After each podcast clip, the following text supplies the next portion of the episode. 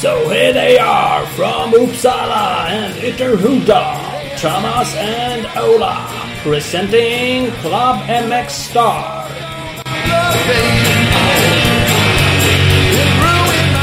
Oh yeah! Club MXA Podcast. Bam, bam, bam, bam. Mhm. Nu bara vräker vi ut avsnitt. Ja, det gör vi. Det här är ju Summer Edition. Typ mitt i Ja. semestern. Här brukar ju vi ha semester. Vi Inte i år. Nej, vi hade ju en kort semester redan innan. Det kanske blir... Nej, det vet vi inte om det blir semester nu efter eller när det kommer nya avsnitt. Det beror på. Vi jobbar ju med någon form av varannan vecka-plan. Det har säkert flera listat ut. Men den Yes. är ju kanske inte alltid slavisk. Så. Nej, ibland trycker vi på random bara för att skoja till det lite. Mm. Såna är vi, Så är såna det. är vi. Eh, men vi har ju avsnitt 171 och avsnitt 12 i år. Så att någon form av kontinuitet jobbar vi med. Tycker jag. Tycker jag absolut. Bara att vi har hållit på i 171 avsnitt. är imponerande. Ja, det är sjukt på riktigt. Men, men, så är det. Så är det. Vi håller i det. Eh, dagens avsnitt presenteras av Speedstore. Där kan man just nu få 36 månaders räntefritt på, på bikar. Eh, Huskis. Så det finns ju 2022 där att bara plocka ut.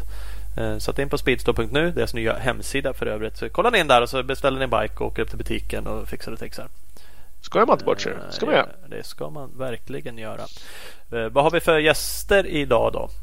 Oh, idag har vi ett eh, riktigt jävla rövargäng. Det är två gäster. Mm. Smäller vi på med. Vi kör ett lite enduro VM eh, avsnitt va? Skövde, eh, Skövde inriktning. Ja, Det är ju om två veckor enduro VM. Just nu i alla fall. precis. Nej det är snart bara en vecka kvar. Nej vad är det? Tisdag idag. Det är två veckor kvar. Ja. Skövde Säg. Enduro Week, är det så vi kallar det? Yes, vi har Christer Andersson med som åker eh, veteran-VM i enduro. Och vi har eh, Jesper Eriksson som är med i arrangörsstaben på Skövde Enduro Week, Enduro GP1 och eh, Billing Enduro Challenge. Ja, så är det. Så ser det ut. Eh, eh, Christer Krille råkar ju vara en local hero här för, för oss båda på sätt och vis. Nu bor inte du kvar i Uppsala-trakterna. Men eh, han är Nej. också en av få som kör just seniorklassen där i enduro-VM. Så det är Mm. lite kul att höra vad, vad det innebär att fiska liksom. Vad behöver man för att köra det? Så vi får lite info där. Ja, att, Exakt.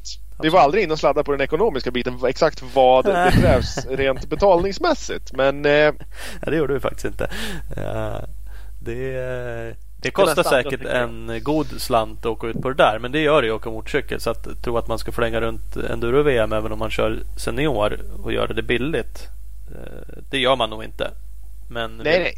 Pengar kostar det oavsett. Jag pratade lite med Christer om det innan. Men eh, och, ja, har man en okej lön och eh, är villig att liksom offra lite. Du har inte, du behöver inte ha flashiga husbilar och massa andra grejer hemma just de här åren då du väljer att göra det här. Så då drar man runt det.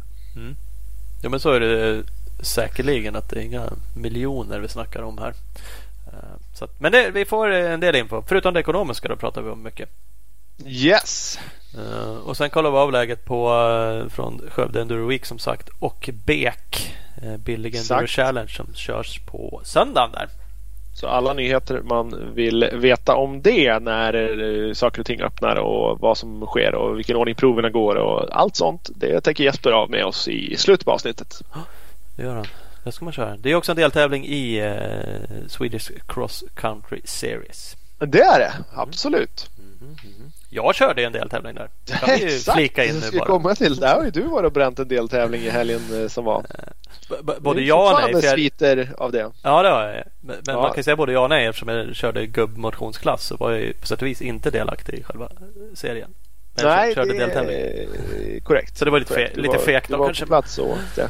Mm. Men eh, har du jämfört några tider eller hade du varit bra med senior? Eh, har jag jämfört några tid? Det brukar jag alltid göra. Nu har jag ingen minne alls av att jag har ens gjort det. så jag vet inte. Det kanske tyder på att jag inte hade någon chans. Då. Jag glömde det snabbt. Ja, Eh, topp 30 får ju poäng där i just i seniorklassen så att jag är övertygad om att du hade tagit poäng i alla fall. Ja, men det hade jag säkert kunnat gjort då. Men, men, eh, nej, men det var kul. Det var en fin bana. Det var roligt. Jag är lite dåligt tränad så det var jobbigt att köra. Det var ju varmt.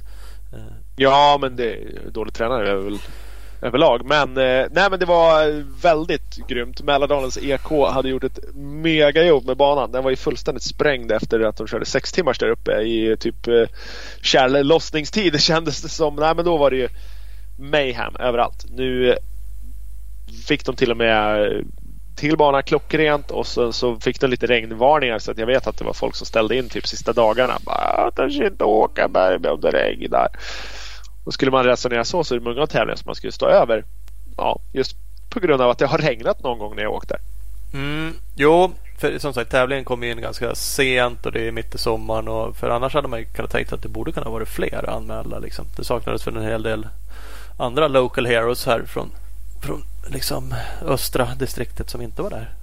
Absolut, framförallt kanske i eh, de serieklasserna som får poäng och så. Men eh, det Ja, vi jobbar på långsiktigt. Jag vet att det, det kommer vända. Det kommer komma fler och fler åka den här serien. Och ja, jag tycker att de eh, Mellanösterns EK som sagt gjorde ett grymt jobb och ja, ett bra, bra arrangemang rakt igenom. Så finns det alltid saker att slipa på men eh, jag ser absolut det som att det skulle kunna vara en återkommande deltävling. Ja. Det, man missade faktiskt någonting i banan. Det dammade lite mer kanske när eh, eftermiddagen eller sista starten kördes. Ja, men, men, det var eh, fortfarande ingen katastrof. Nej det var det inte. Och när vi körde, som jag startade ju halv tolv. Ja, det var ju fan ja. helt magiskt. Det såg torrt ut men det var ju så här svinfint liksom. Så där missade man ju något. Det här är ju alltid gambling. Det gäller ju träning och allting. Man tycker att fan det regnade för mycket igår. Eller det är för torrt eller det är. Och så blir man så jävla besviken när man inser att det var svinfint. Exakt. Uh, och här tror jag Nej, det... många missade något riktigt fint. Faktiskt. Verkligen, verkligen. Så att, eh, ja, så blev det. Nej, men, grym, grym deltävling, bra fighter i eh, egentligen alla klasser. Eh, även i, eller ja, framförallt i de eftermiddagsklasserna som, som kör om poäng. Så eh, var det grym racing. Så det var kul som fan. Och nu fick vi ju ännu mera till det här med min vision om typ eh, GNCC depåstoppen liksom. Att det ska gå snabbt. Det ska inte vara springa 45 sekunder med hojen i någon eh, tankslinga och sådär. Utan det ska vara in, snabbt ut igen. Och det ja, lyckades vi verkligen få till här. Mm. Ja, det var ju en annan modell. Men jag såg inget i påstopp. Jag hann faktiskt dra. Jag kollade de första varven. Men, men så som slingan var uppbyggd så vart det ju med det stuket kan jag tänka mig. Så det var ju kul. Av toppåkarna så gick det inte att utläsa av varvtiderna vilket varv de tankade på. Ja, det är bra. Ja, men då, då är det ju då, då blir det liksom på en annan nivå med taktik att fan ska RH tankade ett varv innan de andra för att typ in, kanske inte tappa så mycket och så dra som fan och kanske få tillbaka, försöka köra tillbaka tiden och när de andra två går in och tankar då går han ut och försöker rycka en lucka och så. Nu gick det inte riktigt så men det, det, det finns lite mer taktikvarianter nu när det blir depåstopp och grejer. Mm. Så det är kul. Absolut, mycket, mycket kul är det. Så att, eh, det finns det blir fler chanser. Det är några race kvar i serien och Billinge som sagt söndagen där är ju en del av det där. Så att, eh, Exakt. Så vara med och dra. Eh, hörru, vi har några till partners som vi ska tacka. Oh, magiska. Mm. Mycket magiskt. Vi har ju Speed Equipment med oss. Det är ju din Honda KTM Suzuka-handlare i Vänersborg. Så att eh, var du än söker till din hoj så fixar ju de det till dig. Så att gå in på speedequipment.se och så följer ni dem också på sociala medier Facebook. Som exempelvis på Speed Equipment. Precis. Vi har eh, CEC Motorcycles i Tibro och Kållered. Två fullmatade butiker i just Tibro och Kållered. Passa på nu när eh, 22-bikarna dyker upp överallt. Håll koll. Köp din hoj på CEC Motorcycles. De följer du på Instagram och Facebook om du söker på CEC e, Motorcycles. Det ska man göra. Man ska också kolla in Scott och Fury-gogglarna. Det eh, följer ju steget efter flaggskeppet Prospect. Eh, samma stora siktlykta kompatibel med eh, samma tillbehör. Så roll-off, glas och liknande funkar ju mellan Fury och Prospect. Kolla in scott-sport.com och så följer ni dem också på sociala medier. Skottsports Sverige. Ska vi ringa lite gäster? Det smäller vi på med direkt tycker jag. Christer Andersson. Tjenare, tjenare! Hallå! Hallå! nu, nu är vi rätt. Vi ringde någon annan som säkert inte hette Christer heller. Men ja. nu... Ja. Så, så. Vad spännande! Ja, tyckte vi med, men eh, han tyckte inte det. Han, han lät sugen på att prata podcast. Han lät sjukt Han kanske inte var lika in- intresserad som jag. Nej, men så kan det vara. Nej, precis. Han kanske inte var i Estland och ska köra enduro-VM. Nej, precis. Precis. Antagligen inte. Antagligen inte. För där är du va? Ni kom dit idag, igår? Jajamän. Nej, vi kom i natt faktiskt med flyget då. Så just nu befinner jag mig i huvudstaden och ska åka. Det är väl ungefär en och en halv timme till. Det är ju en ö mot Sverige där som vi ska vara och tävla på. Jaha, Sarema eller något i den stilen heter ön. Känns lite som deras Gotland. ja Man åker bilfärja över med 25-30 minuter tar det. Då. Så det ska bli häftigt. Ja. Är det Gotlands stenet då också? Det vet man inte kanske. Nej, man kan Det är sand. Sandigt va? Ja. Exakt. Gotska Mm. sanden eh, får du tänka istället. Och de har ju fina sandstränder i Estland. Jag var där någon gång på någon fin här nästan medelhavssandstränder. Estland är inte någon stor enduronation men det känns som de vill visa upp sig, sitt bästa jag. Liksom, om man släpper ut oss där. På paddocken ligger mot vattnet på, i hamnen. Och, ja, det verkar ju jäkligt fint. Mm, mm. Tjusigt, tjusigt. Ja. Fem, fem, mil, fem mil i sanden ska vi åka per varv. Så att, eh, man får väl hoppas att det inte blir stalpigt som på Arlanda i, i fem mil. Nej, det kommer det inte bli. Det kommer ju vara slätt, det vet man ju. Ja, precis. Ja, det kan bli spännande kanske. Eh, Mm. Ja, det är roligt. Ja, ja, men Christer Andersson, Enduro-VM. Alla kanske inte vet vem det är. Eller så vet de det. Ni- det Jag vet inte. Jag tror inte det. Nej. Du är ju... Ska vi, eh, ska vi inte köra våra snabbfrågor då som, eh, som vi brukar göra? Jo, det kan ska vi vi göra. inte vara ska väl inte vara vi- taskiga mot Christer nu bara för att vi vet vem han är sedan förut. Det är kanske inte alla andra koll på. Nej, precis. Uh, nej, men vi kör det. Absolut. Uh, fullständigt namn? Christer Joakim Andersson. Mm, Fan, du har namne med teamchefen. Ja, kla- klassiskt 60-talsnamn. Ja. Eh, ålder? Eh, Jag är född 67 så jag är faktiskt 54. Så jag är jättegammal. Det är ju en alldeles lysande ålder. Precis. Nya 30. För- Exakt. Det är då man tar VM-karriären. Det är sedan gammalt. Mm. Eh, bor? I Alunda. En bit utanför Uppsala mellan Östhammar och eh, Uppsala. Jag bor faktiskt granne, eller ganska nära Lunda flygfält för alla er som har tävlat på enduro-SM där ett antal gånger. Så att jag har superbra förutsättningar att träna. Ja, du ser. Det är ju grymt. Eh, uppväxt? Nej, det är där. Det är samma. Jag Ja. kommer aldrig från Alunda. Det är därför jag Du blev kvar där bara. ta, mig till Estland nu så händer någonting. Ja, precis. Det är därför jag börjar resa också för att komma utanför orten. Ja, så kan det vara. Familjen består av? Eh, två vuxna barn, Elin och Emma och en fru som heter Eva. Eh, dold talang? Nej, har väl ingen sådär att jag kan lira gitarr eller något i den stilen. Eh, sen tror jag att det är en liten talang och att jag inte kan ge upp. Det, det är lite besvär emellanåt. Envis. Före, ja, har drivit företag och eh, ja, kör motorcykel och allt vad det är.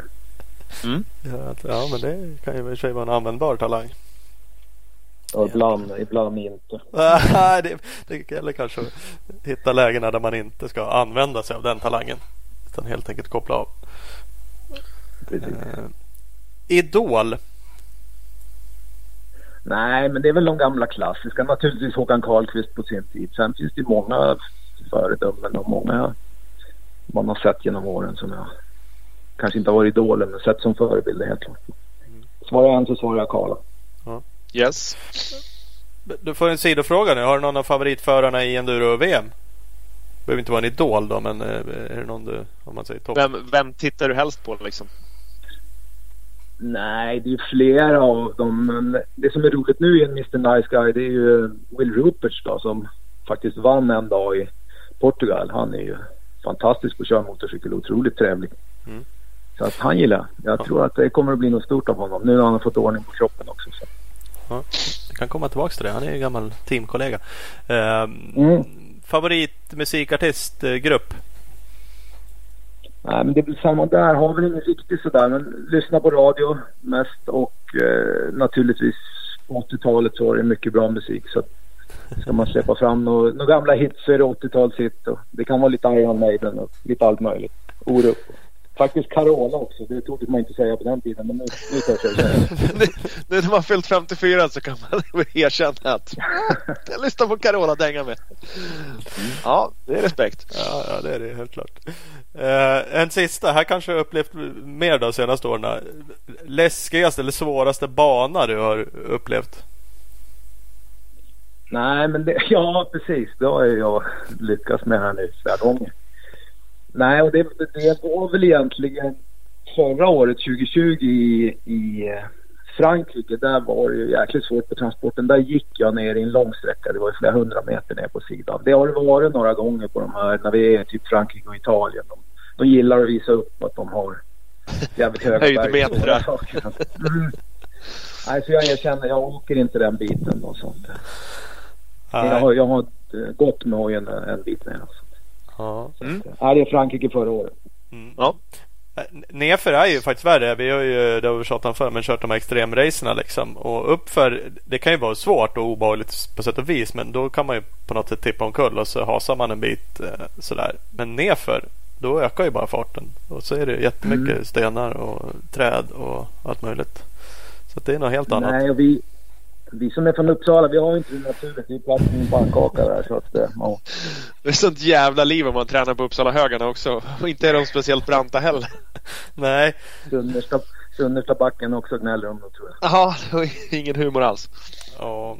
Shit vad jag tänker på det där att det är så jävla platt här. Jag trivs ju jättebra där jag bor. Men det är helt otroligt. Man, hojmässigt om man vill hitta liksom fina spår. Eller jag som tänker åka lite extrem ibland och vill ha någon backe. Mm. Fan, det är ju helt sjukt. Det är ju värdelöst där. Och var man än åker så bara åker man ju titta när man åker bil. Det gör ni säkert likadant. Bara, oh, där skulle man åka hoj liksom. Jävlar så fint. Mm. Här skulle man ha en slänga. Uh, och så är det inte alls så där jag bor. Men men. Så att det är inga Frankrike, Italien backar. Då måste man upp till Ola. Jajamän. Jajamän. Mm. Ja, det börjar likna något helt klart. Mm. börjar det ta sig. Ja. Uh, hur, uh, hur började herr Anderssons enduro-karriär? Hur halkar man in på det här? Nej, jag har ju, om vi ska ta det lite från början, så har jag alltid varit jätte, jätteintresserad av enduro. Överintresserad. Uh, farsan släpade ut mig och min brorsa Patrik som också åker fortfarande eh, och åker mycket bra. Eh, på Novemberkåsan i Uppsala 76 eller något i den stilen. Sen var man fast för det här. Sen var det klart. Kör, ja precis. Sen körde jag aldrig. Vi hade bara några gamla grejer och körde i skogsbackarna hemma. Och eh, det som var fördelen med det var väl i och för sig att vi lärde oss att mecka och svetsa. Eh, för det var mest jobb med, med lite åka och mycket jobb. Ja. Eh, sen när jag fyllde, runt när jag var 16 där, då sommarjobbade jag köpte en Husqvarna, en vit fin.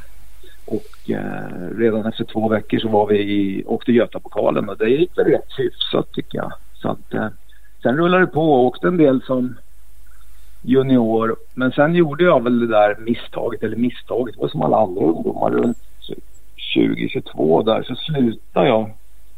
Och det var hus och det var barn och det var jobb och det var ja, massa andra. Så man ska göra allting på en gång. Ja. Vilket man naturligtvis inte behöver om man hade tänkt till lite. Nej, så är det. Så, så jag, tyck, så jag tyckte det där var tokigt. Så, så jag började om 2006, 2005. Så. Mm. Skulle motionera lite. Köpte en stor 450 efter Nisse Gustafsson. Uppsala. En crosscykel naturligtvis. Gör som alla andra. Köpte en crosscykel som jag ska åka med i skogen.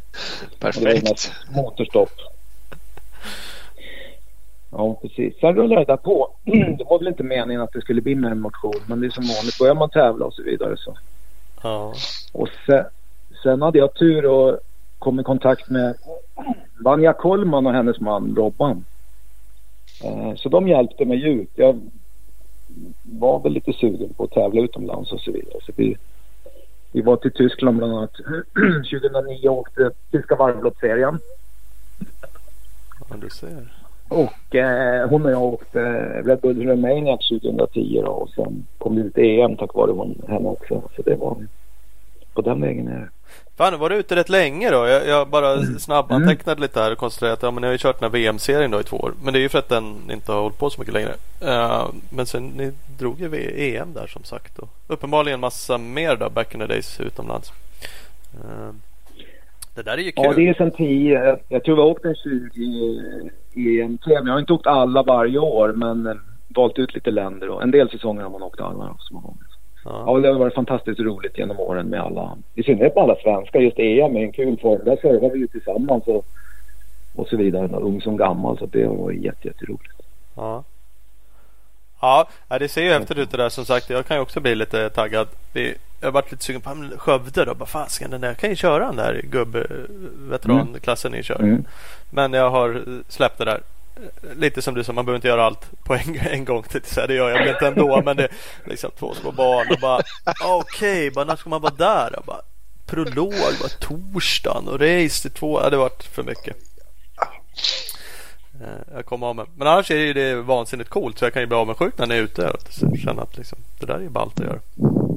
Ja men det blir ju liksom hela grejen. Nu när man har vuxna barn också då, då blir ju hela livet. Man, man försöker jobba effektivt mellan sju och fyra och sen är det motorcyklar som gäller. Då. Sen om det är planering med resor eller vad det nu är, köpa ett drev eller det är alltid något va. Och träna och sköta sig och, och så vidare. Så att, äh, det är superkul. Det blir som ett företag eller och man lär sig mycket. Jag brukar säga att jag tycker till och med det är kul att betala vägtull i Italien. Och, och den, på den vägen är det. Va? Så att, ja, ja det, men det är ju väldigt eh, fostrande att vara ute. Även om man är i 50-årsåldern så får man ju eh, lösa problem som man absolut inte springer på i vardagen här hemma. Liksom.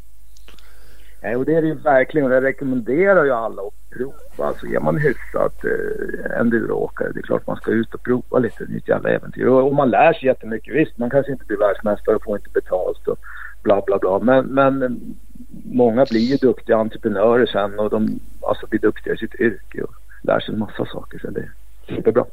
Ja. Om, man, om man tänker sig att komma ut och köra men typ den klassen ni kör eller EM där de äldre klasserna. Krävs det någon nivå? Eller vad tycker du? Är det bara att åka hur, vilken påse man än är? Nej, Nej men man, man bör ju åka från mig. Det bör man göra. eh, I fart. In, insteget. För tittar vi i VM då. Nu åker jag i en Open-klass. Eh, Open Senior som den heter. För det var faktiskt, ja det är tre år sedan nu. Det var 19. öppnade de för tre nya klasser. Det är ju Open fyrtakt, Open tvåtakt och Open Senior då. Att man har fyllt 40. Och det är som instegsklasser i VM, eller vad ska jag säga, lite prova på-klasser. Kanske lite som våran seniorklass hemma då. Att, eh, ja, du åker ett varv kortare men du får vara med, du åker samma banor. Mm. Eh, och så vidare då, så att man kan ha chansen att prova på. Och det, har man lite rull naturligtvis så då, då går det inga konstigheter att vara med. Sen kommer man ju att stöta på svåra tävlingar. Och, men det är ju inte alla. Nej. För ni kör, ni kör lite kortare men ni kör exakt samma bana i övrigt? Ja nästan. En del länder kör vi exakt samma bana. Ibland är det, de kan ha någon ruskigt svårt parti. Då får vi åka runt liksom lite kyckenväg då. Ja. Men det är nog snarare också för att vi, vi får aldrig mera tid utan vi får lite kortare bana istället då. Ja. De, är, de är snabbare och skickligare också på de vanliga raksträckorna som de bästa. Mm. Jo, jo. Mm. Men som i, i Skövde så kör ni två eh, varv och de andra kör tre varv som jag fattar det. Ja, precis. Ja. Yes. Det, det brukar vara det normala. Ja, det var... Det, det, blir, det blir runt fem timmar, fem timmar och en kvart ungefär för oss har det varit nu de två senaste. Så det är långa dagar ändå. Det räcker. Ja, helt klart, helt klart. Niklas Torvaldsson skrev och, och, frågade just det där. Överlever man som vanlig motionär på banorna ute i Europa? Så att det var en ja, sån lyssnarfråga. Ja, det, det, är lite, det är lite som med novemberkåsan. Man måste ha lite grundfart. Alltså, det går att säga att man kan åka novemberkåsan för att man är envis och stark. Men har du inte lite grundfart så har du plocka ner kontrollen. Du får inte hålla på till på måndagen. Så det är ju det som är problemet. Ja, det, är samma i, ja, det är samma i VM. Ibland har jag väldigt snålt om tid. Men för Johansson eh, MP Yamaha då, teamet är ju kanonbra för då har ju de dragit ut mattan så då blir det en Formel 1-service. Då får ju de träna på det. Ja, här måste det gå fort. Ja. Så pappa Wågberg nu hade någon teori om senast om att han skulle uppfinna någon automat där för att mata mig med banan automatiskt då för att det skulle gå ännu fortare. Jag vet inte det, man... det är rena varvloppstankstopparna där alltså. Det är inte sätta mm. sig i stol och ta en handduk och byta handskar utan det är bara in, tanka, i med banan, härifrån igen. Ibland får jag göra det. Då har jag fem minuter så det är ju lyckan då. Då, då är det så. Men, men ibland har jag bara 1.40 på mig kanske. Så att... Ja. Och sen kan man ju använda hela minuten då och gå in i kontrollen med. Det är ju bra. Exakt, 55. Det är inga problem. jag tycker att jag är hjälten. Jag menar, jag kör ju mest av alla. De Freeman där fikar ju länge som fan. Jag kör ju hela dagen. Men... Exakt. Du sitter ju konstant på hojen. Hinner inte av det rackaren. Så att, nej, jag, jag håller helt med om att du är hjälten. Lite så. Lite så. Mm.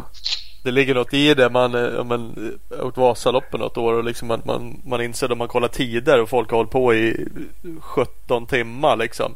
Det, det är fan de som är hjältar. Att riva av det på fyra, de som är bäst, eller åtta. Det är ju ingenting i jämförelse liksom. Så det ligger något i det du säger det där. Fan. Det är bra kämpat. Men, men du nämnde... Ja, kör. Nej, fortsätt. Nej, men jag tänkte Johansson MP som du sa. Ni har ju faktiskt mm. slagit er ihop med, med det teamet som är ute och flänger på VM ändå med sina förare. Uh, så där är ju både du och brorsan en del av. Mm. Hur, uh, hur funkar det? Uppenbarligen får ni service som du sa. Vad är upplägget? Liksom? Det är fantastiskt. Ja, dels är det ett fantastiskt upplägg. Ja, och började där och titta i, i ändan. Då var det på julafton 2018. Då sa jag till brorsan, fan de har startat en ny klass i VM. Det vore nog för dig att prova. Och vi pratade väl inte så mycket mer om det. Sen ringde han efter nyår och så sa han, fan jag ska ringa till Jocke och fråga om det finns en plats så kommer vi ut. Så att grejen med att Patrik då hamnade där först, det var ju att eh, man kan, eh, vi kan jobba lite mer och flyga då till tävlingarna. Eh, man har en hoj nere hos Jocke i Bollebygd och den går ut med trailern då så att eh, ja kortfattat. Och, och Jocke öppnar ju en massa dörrar naturligtvis och det teamet till, till kläder och allt vad det nu är. Så, så är det och kontakter på plats tittar man på, nu när vi besiktade Italien häromdagen, då, eller häromdagen eller säga för några veckor sedan. Då, då, då sa besiktningsgruppen, tittade han på mig och sa det är från Sverige sa han på engelska. Ja, ja. Ja men vad bra, då vet jag att grejen är okej. Okay, för annars så slår, slår Roger Johansson och, och Jocke ihjäl det ungefär. Va? Så att eh, det får bara rulla igen. Klart. Och lite så är det ja, faktiskt. Ja, precis. Sen är det ju fan, fantastiskt roligt. Vi, Jocke håller ju med alltihopa då, då och det är mat på kvällen för 25 personer som pratar enduro. Och, och, ja, det har varit sjukt roligt hela resan. Ja, mycket, mycket liksom den vad ska jag säga, ni, ni får ju upplevelser. Ni är inte bara ute och tävlar utan ni, ni jag, jag frågade ju dig inför det här om hur det kom sig att ni inte åkte ja, men så mycket racer hemma och så. Då sa du att eh, man vill ju ja, hinna med att uppleva resan. Och, ja, och i år i synnerhet när SM var direkt på. Det där har man, det där har man gjort bort sig på förr att man med lite för mycket vilja eh, att man ska åka den tävlingen. Och då är man bara slut som en disktrasa. Det vart inte så jävla roligt. Och något race åkte jag förra året och då var, hade inte jag återhämtat mig och kommit på 20 plats. Och det, alltså, det var ju alltså, helt onödigt att åka dit. Det var varken roligt eller Nej, nej. Jag fick inga poäng heller. Så, att, eh, så, så där har jag solat lite grann. Men det ser vi ju på Max och grabbarna har ju också gjort det nu och det är ju helt rätt. Tittar vi på Anders Eriksson länge tillbaka så var väl inte han jätteofta i Sverige. Så. Nej, Ljunggren när han hade som mest aktiv VM-karriär så åkte inte han många SM heller. Liksom. Så att det, ja, så är det. Och allra helst ett sånt här år när som du säger tävlingskalendern är helt sprängd. Det finns liksom inte chans att få näsan över ytan ens. Och nu var det ju tuffa race. Alltså det är lika tufft eh, för mig som för Will då, då till exempel när vi, när vi är i Italien. Han, han berättade igår på flygplatsen när jag träffade honom att, att uh, han hade vila hela veckan efter då så att uh, även han var i sliten då. Och det är klart ja. han har åkt på fullt på sitt sätt och det har jag också gjort. Också. Precis. Så att, uh, ja. Nej, så det, det, har ju varit bra. Sen om man tittar på Johansson, MP, det är fantastiska människor. Alla brinner ju för det där och tar, använder sina semesterdagar som mekaniker. Vi har Thomas Karlsson bland annat som är fantastisk som sköter saker och ting där under tävlingsdagarna. Så, så det, det, är en otrolig upplevelse bara det att alla, alla vill försöka få lilla mig i mål. Ja. Det är sjukt kul. Ja, det är det. Han har ju varit med i podden, kommer ihåg ett avsnitt så här på rak arm. Men eh, just för att prata om det där kring teamet och han driver runt det där och det är ju jäkligt speciellt det de gör. Jag tänker på det varje gång jag ser det fast jag pratar med om det och lite sånt där så bara shit fan nu flänger de runt igen och drar den där trailern ner liksom. Det är Portugal, det är Italien. Ja. Det, det, är ett jävla imponerande jobb att göra sådär ändå. Det, ja, det känns det är tur att, att det finns sådana där entusiaster som liksom driver ett team sådär för det, det, ja då blir det ju något. Det händer ju saker och ting. Ja. Helt klart. Ja men mm. verkligen. Så det, nej men det är, kul, och det är kul att det öppnar upp lite för, för er också. För dig som liksom inte uh, har en fabriksplats mm. där på det sättet. Liksom. Mm. För, för de har ju andra förare och satsar ju liksom på, på folk. Men att det finns möjligheter att ta del av det där när de ändå är på plats. För att göra det här själv som ni gör, ja, då hade ni inte kunnat flyga. Det har ni gjort några år också gissningsvis i EM och sånt här. Då är det jäkligt mycket bilåka överallt. Och, uh, och det, och det går ju definitivt till alla andra som vill prova idag. Det är ju, alltså det är fritt att stå i bd på och åka open class eller även åka i det stora. Det är inte någon jättegrej att åka VM för ögonblicket. Det var under en period tycker jag där det var lite mer stängt och lite mer stora pengar och mycket skitsnack runt i Sverige om att VM inte var bra. Men, men nu tycker jag att det är trevligt. Det, det känns lite som de vill släppa in det lite grann mera back to basic när de har släppt in de här open-klasserna och lite veteraner. Mm. Jo men så var ju snacket då eh, när ett mm. tag åkte ju alla EM istället och EM, då var ju liksom mm. EM som e- enduro-VM var förr sades det och, och, det var fler som, som fokuserade på det och det är ju bara några år sedan. Men sen har det ju så vänt lite som sagt och som du säger att de släppte in de här open-klasserna och ja, det blir väl lite mer familjärt igen. Mm. Mm. Uh, jag tror att enduron vinner på det ändå. Hur den är, är lite bakgatesport. Uh, vad jag tänkte på. Uh, men om man tittar på arrangören eller arrangörsteam och Pedro och ligan. De vill ha Ian Knight, David Knight naturligtvis i, i veteranen om de får önska. Då, så att, men det får de De får ju bara någon då. Men ja. Jo men det är klart. Att, att, man, ja. Men man kan ju tänka att de skulle vilja ha ett, ett, ett eh, veteranfält med bara gamla världsmästare för att mm. deras namn skulle locka eh, folk att mm. titta också liksom. Men de ja, men Salmin och de här, de här de killarna är rätt klara med det där. De tycker inte att det är världens roligaste längre. Speciellt inte om det inte är betalt. Och har man varit på en världsmästarnivå så är det ju bök att komma tillbaka och bara göra det för att det är roligt tror jag. Eller ja, bevisligen så är det ju så eftersom ingen, mm. inte så många åker. Knight åkte ju första säsongen och vann ju då. Så att, eh, nu, ja. Just i år är det ju Belotti som är bra. Han, han har ju varit, Andrea Belotti från Italien. Han, han har, jag tror faktiskt att han har åkt Farioli om vi tittar tillbaka under någon mm. period. Och, och åkt i något eh, landslag i Italien. Junior eller något sånt där. Så att, eh, det är klart han har inte varit världsmästare men han var jävligt bra. Han är jävligt bra fortfarande.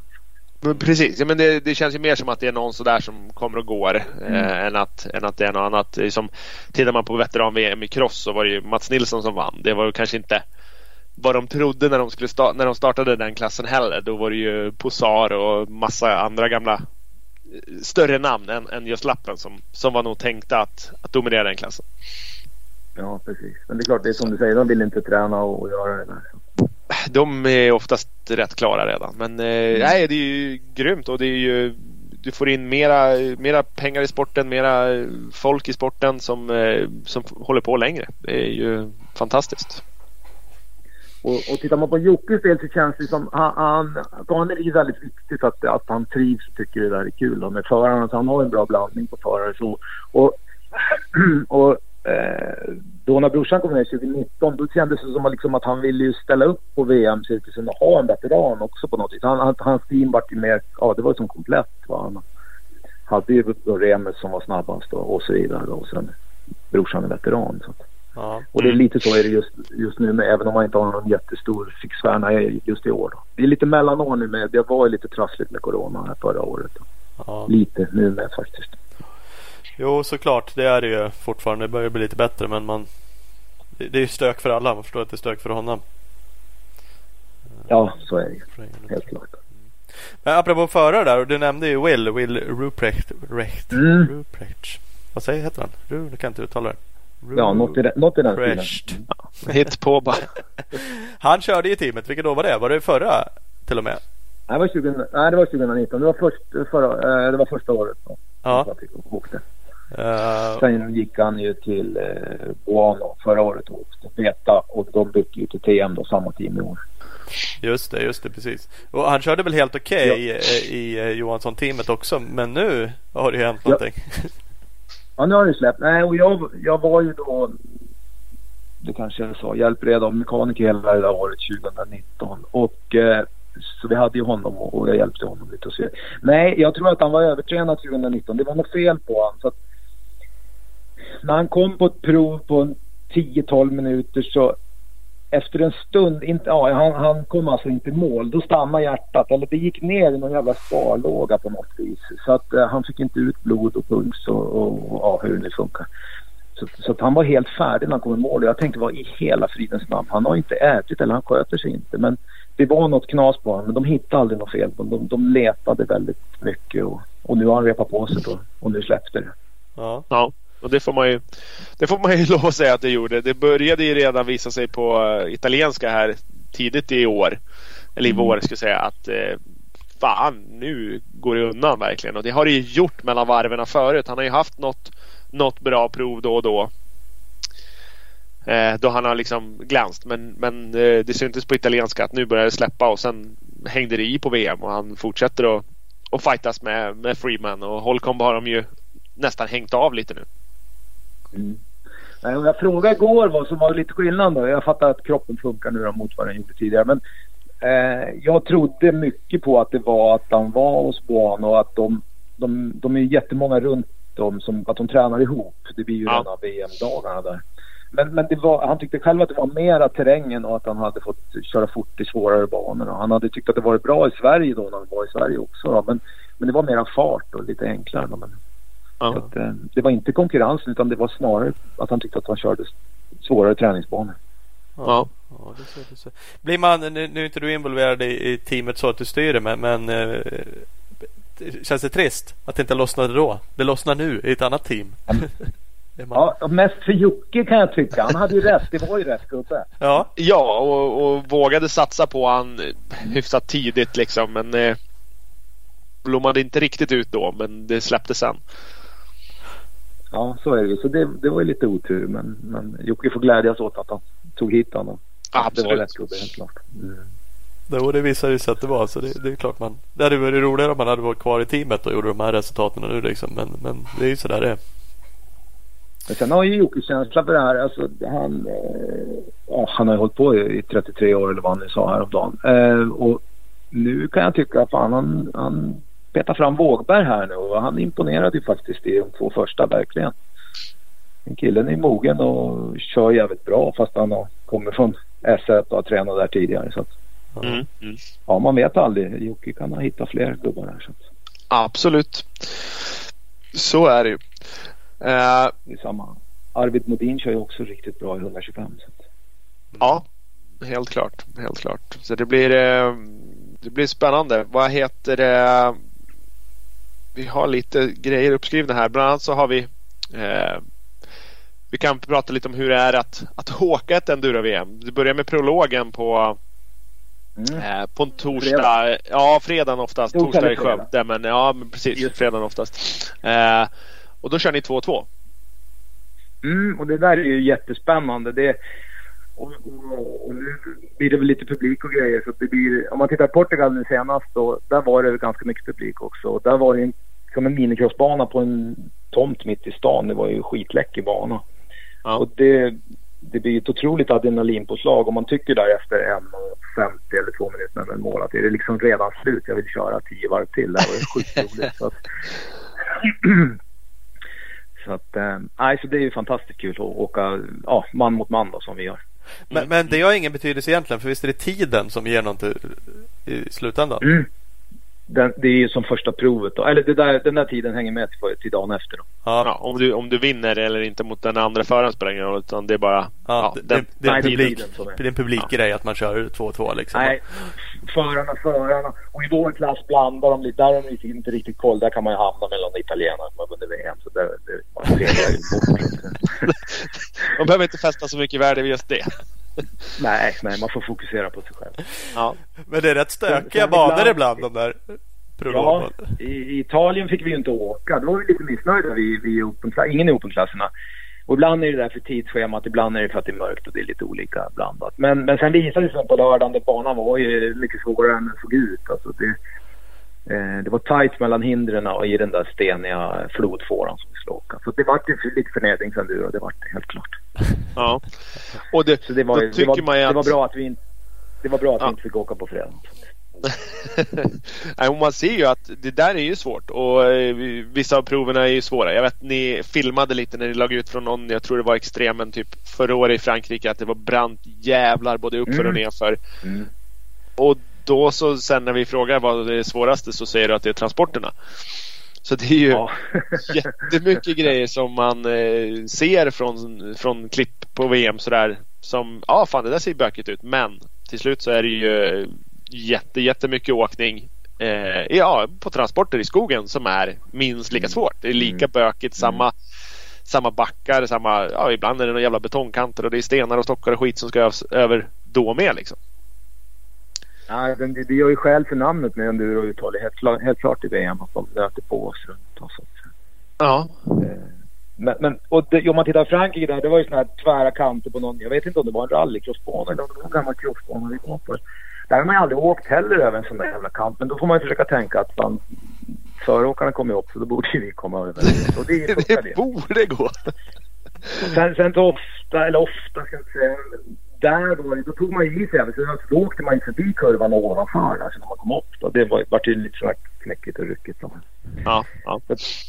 Så det är klart att om man, om man nu vill prova VM och, och ut och testa, man, man kan ju ha otur och komma på en väldigt svår. Om, om jag tittar nu på Portugal i år, där det var bra väder och där kunde jag pusha på proven, alltså med min, eh, ja, mina kunskaper. Jag kunde gasa på mina metrar och så vidare, precis som Garcia gjorde. Sen så var vi i Italien då två veckor senare, och då, eller en vecka senare.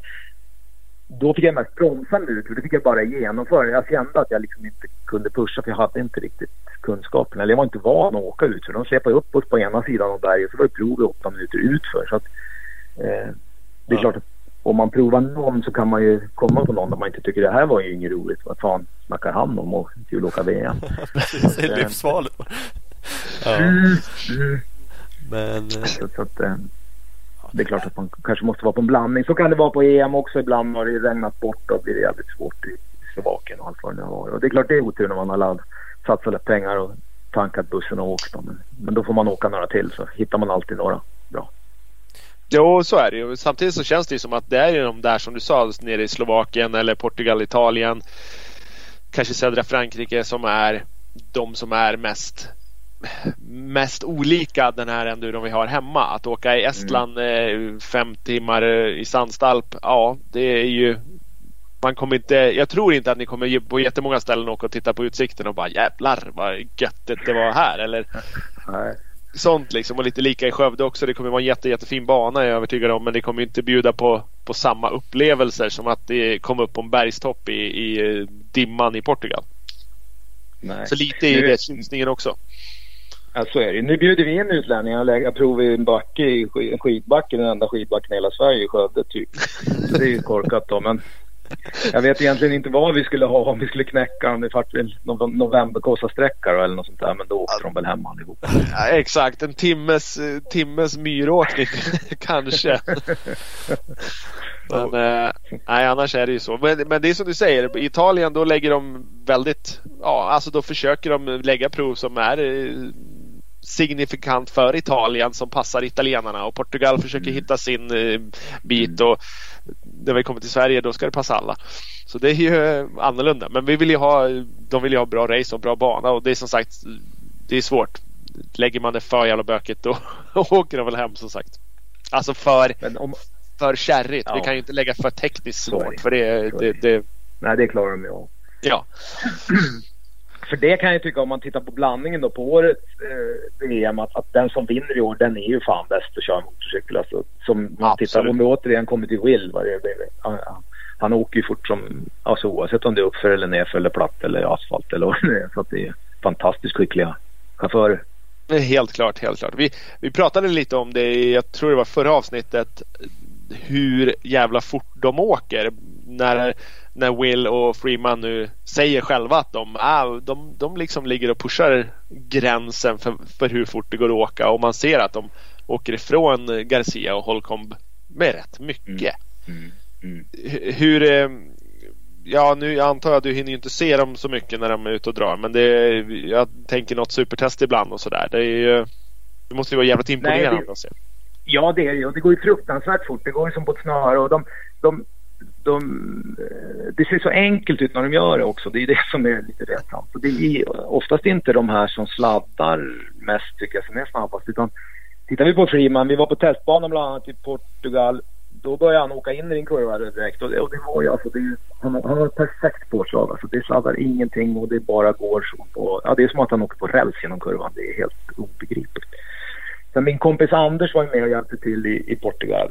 Och han är väl ingen superanalyserande människa av enduro men han, han stod ju där på crosstestet och då det syntes klart och tydligt att, att de höll mycket, mycket längre än alla, alla svenskar måste jag tyvärr säga. Ja. Ja. Och ändå klarar de i kurvan galant. Det är sånt Exakt. där som är så sjukt. Man, så, och så kommer man ibland själv, det spelar ingen roll med crossbar eller enduro, och så går man in i den där kurvan och säger men här fanns det ju fäste. Det såg man ju på förra killen.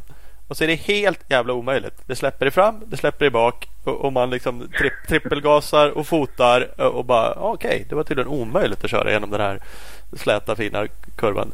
Så, så det, de har ju någon extrem jävla teknik som inte syns liksom så. Man säger att det går fort men Mm. det är svårt att avgöra Mm. vad de gör riktigt. Mm. Eh, det är imponerande. Och det, ja, Och det, kän, det känns ju om man ska titta på dem, det känns ju som Freeman och Will har lite kvar.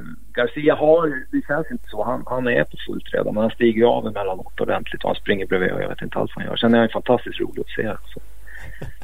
publik. Vi pratade om det. Vi träffades på Bergby. Just Garcia. Han gjorde ju någon Mm. riktig resa här nu eh, sist Ja. när, när han tokladdade en jävla hopp där och for av och bara megakraschar. Och så. På det igen bara. Eh, Ett, ett annat ladd på honom. Oh, ja, helt klart. Helt klart. Sen, sen har vi ju Norbin och Max Hallin. De gör ju det helt rätt nu tycker jag. Som har möjlighet att vara i Italien och lära sig de här. Och träna. De, det blir ju en naturlig del för dem. att Åka i den där terrängen. Mm. Så, så de är på rätt väg. Och jag tycker Max har- fick ju betalt för med tredje plats verkligen här senast. Och Norbin har ju gjort jävligt bra som, som vinner. Det Precis, finns han är ju ju svenskarna helt klart. Ett och två i sin klass där. Så att, ja, men som du sa, det, det som Will sa var, hade gjort störst skillnad för han var att åka där nere i den terrängen. Ja, Mm. då, då är det ännu mer tecken på att, på att grabbarna är rätt ute som, som löser så att de får chansen att kunna vara där nere helt enkelt. Ja, men för där, där du säger att det är jävligt de här eh, Frankrike och de här grejerna. Men man hör ju faktiskt på de där våra toppsvenskar också emellanåt att de bara shit det var stökigt liksom. Och det är problematiskt Mm. och det är även för dem. Och då är ju de svingrymma liksom. Så att det är inte så att det är Mm. lätt åkt för någon liksom. eh, På många ställen. Och då behöver man ju vara där. Det är dit vi kommer liksom. Det, vi hittar ju inte det här hemma i Sverige utan man lär ju åka iväg och träna på det någonstans. Mm, det kan man göra med enkelhet. Och, och tittar vi på Max, han verkar etablera sig bra med mycket kompisar. Och han får ju kontakter och möjlighet att komma och gästa folk och träna och allt vad det är. Så att, det, Ja. Ja, det är precis. coolt. Det är häftigt. Lurar till och med hem dem till Falköping och lurat i dem att det är en duromecka. Ja, de har haft lekstuga där nu. Verkar lite. Så att, Så lillebror Nej. Kalle har ju haft hyfsa, hyfsade träningskamrater, helt klart. ja, absolut, absolut. Han, eh, han blir farlig med nästa USM också. Ja. Han kommer hit till Estland. Ja, precis. Stämmer. Mm. Får, ska prova. eh, får se hur, om det studsar rätt där som det gjorde sist på USM när han vann. Mm. Så att, eh, Ja, det är bara hoppas. Jag bara hoppas. Ja. Men eh, ni kör ju klart den här säsongen gissar jag. Blir det fortsättning då? Bara fortsätta nöta på utomlands här och fler VM-säsonger? Och... Jag vet inte riktigt. Jag har inte hunnit. Jag har, inte, jag har funderat lite lätt på det men det är klart att eh, sitter armar och ben kvar och formen är hyfsad då kanske man fortsätter lite grann. Ja, dumt vore ju annars om det är några trevliga länder. Vi får se vad som händer. Har, har du, det, letar du fart fortfarande? Så här? Det gör du väl på något sätt? Liksom? Jag ser att du, du Mm, tränar och du, mm. du har lite olika sådär fys och lite mentalt och lite sådär. Men, men, men vill du? Är det liksom ändå en målsättning? Fan jag borde bli snabbare. Ska jag åka en säsong till? Steppa upp här liksom. Jo, men det har det ju varit, hela, hela paketet. eh, Absolut. Och, och det har varit lite frustrerande. Jag, jag åkte ju... Eh, ja, KTM får man inte säga, jag säga. Jo, det får man inte säga. Jag åkte KTM 252-takt och 300 i många, många år. Så jag hade jättesvårt att gå till 254-takten. Så det har ju också varit en kul grej nu under två år. Eh, och lära sig åka två, Yamaha 254-takt. Så att, eh, Ja. Och gå till fyrtaktaren. Så nu är vi jättekompisar och det har ju släppt. Det går inte heller att påskynda. Det gick rätt pottigt förra året och nu tycker jag att det har släppt här under våren. Ja. Att, eh, det finns nog mer att ta så. Utan, och det är mer att jag lär mig att åka på fyrtaktaren. Brorsan och jag tränar ihop en hel del nu. Just nu har vi i rätt, rätt takt så vi kan göra. Så vi tränar bland annat sand häromdagen. Och då, ja, jobbar vi på, då åkte vi på en tempo och jobbar på inte använda kopplingen och sådana saker. Så det går fortfarande att lära sig en massa saker. Ja. Jag har ju haft förmånen och Robert Grimberg har lärt mig att köra motorcykel. Det har ju varit en fantastisk resa. Det var ju runt 2009 också där. Då träffade jag Robban på en privatlektion ihop med Vanja och så tyckte jag det var helt fantastiskt att någon berättade hur man skulle göra för det hade jag egentligen aldrig förstått. Får ju facit här, vad fan.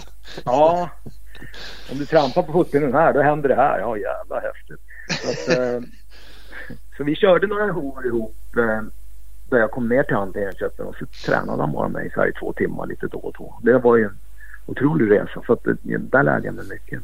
Och det finns mer kvar att lära sig.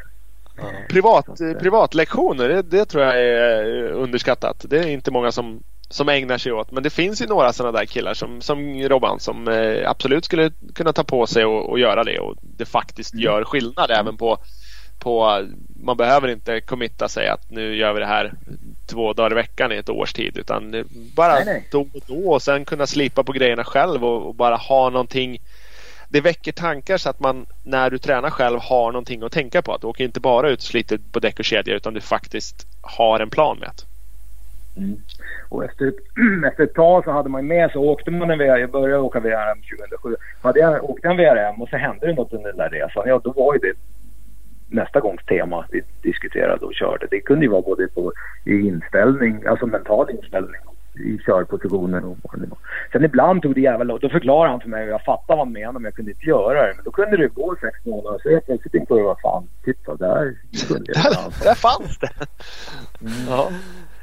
Det är roligt det, det där.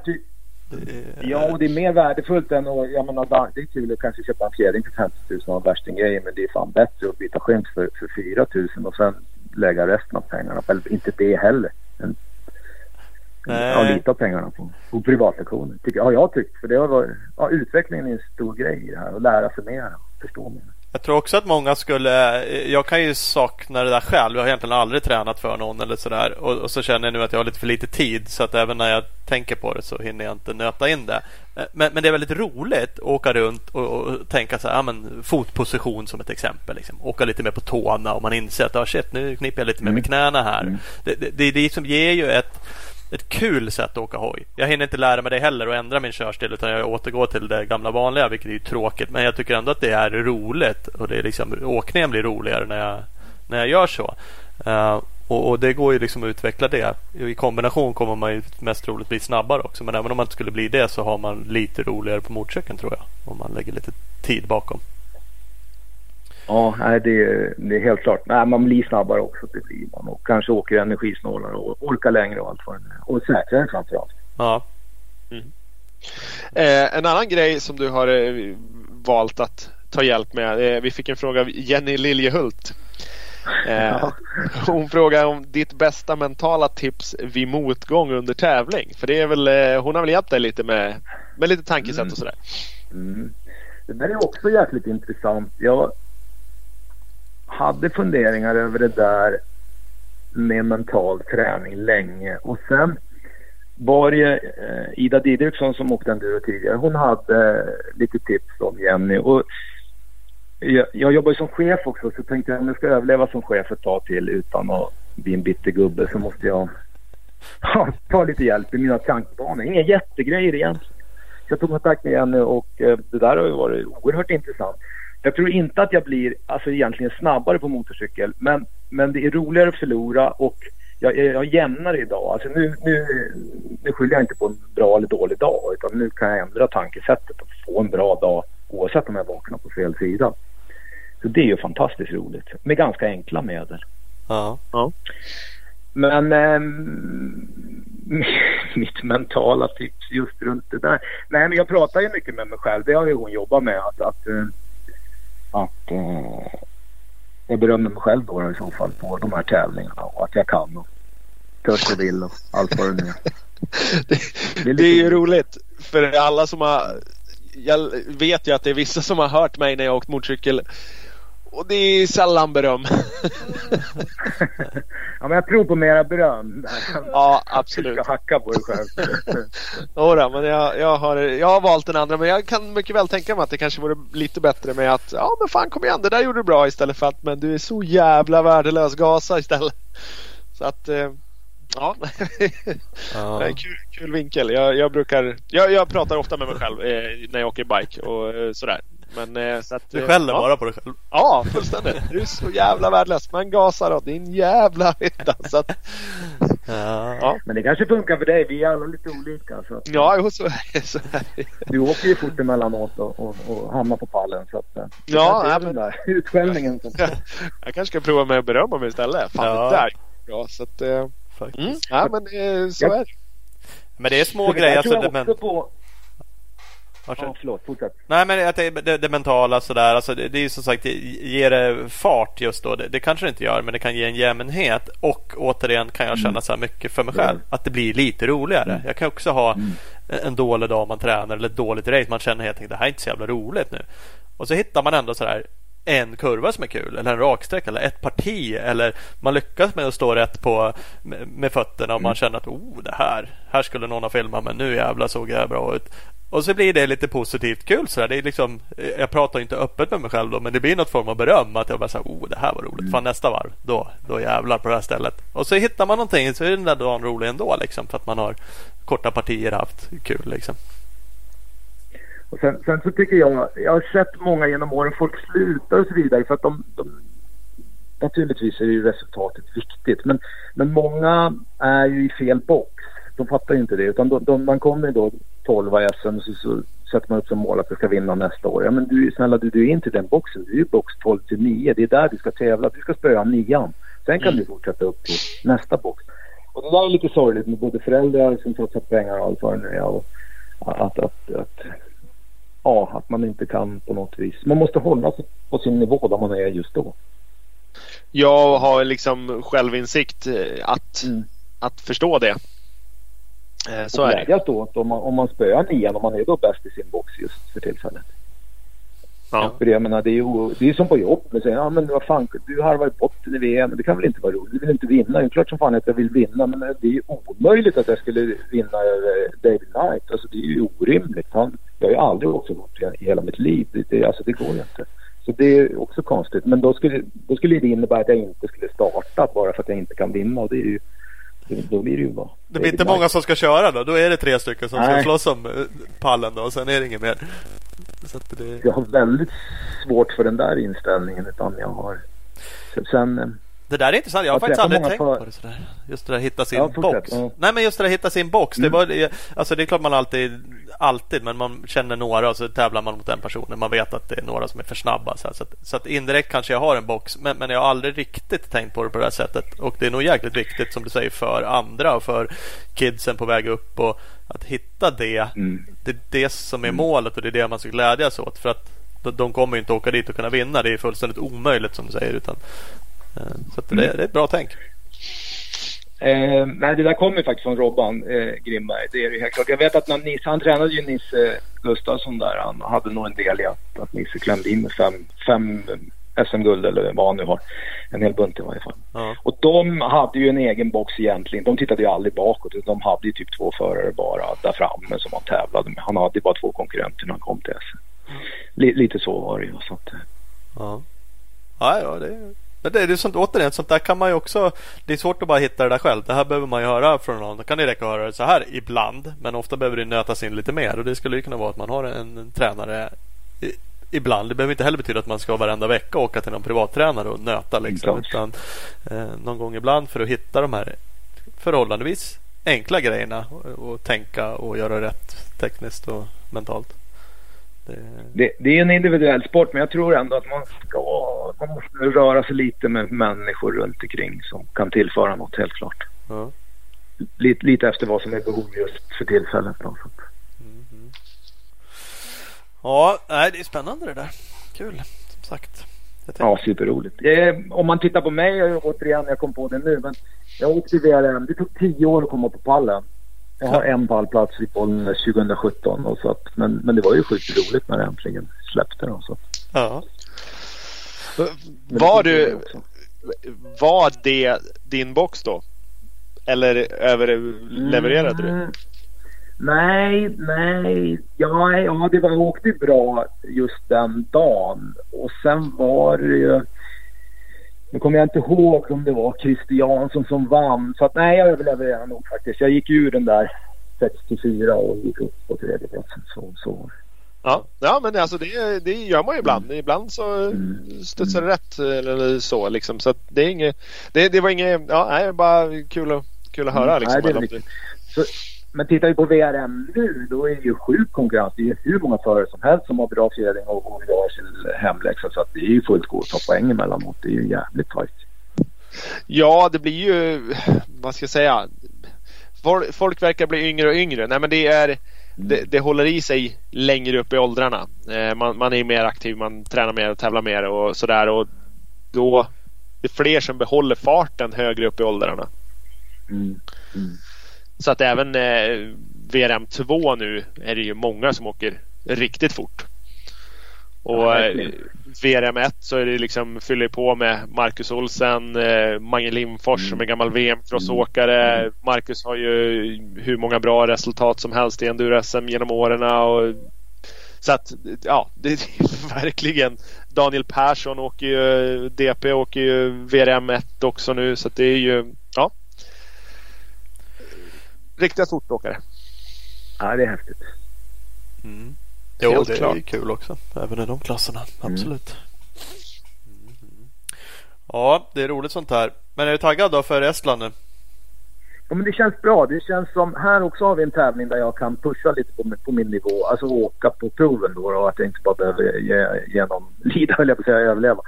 Så, så att det känns jätte, jättebra. Mm.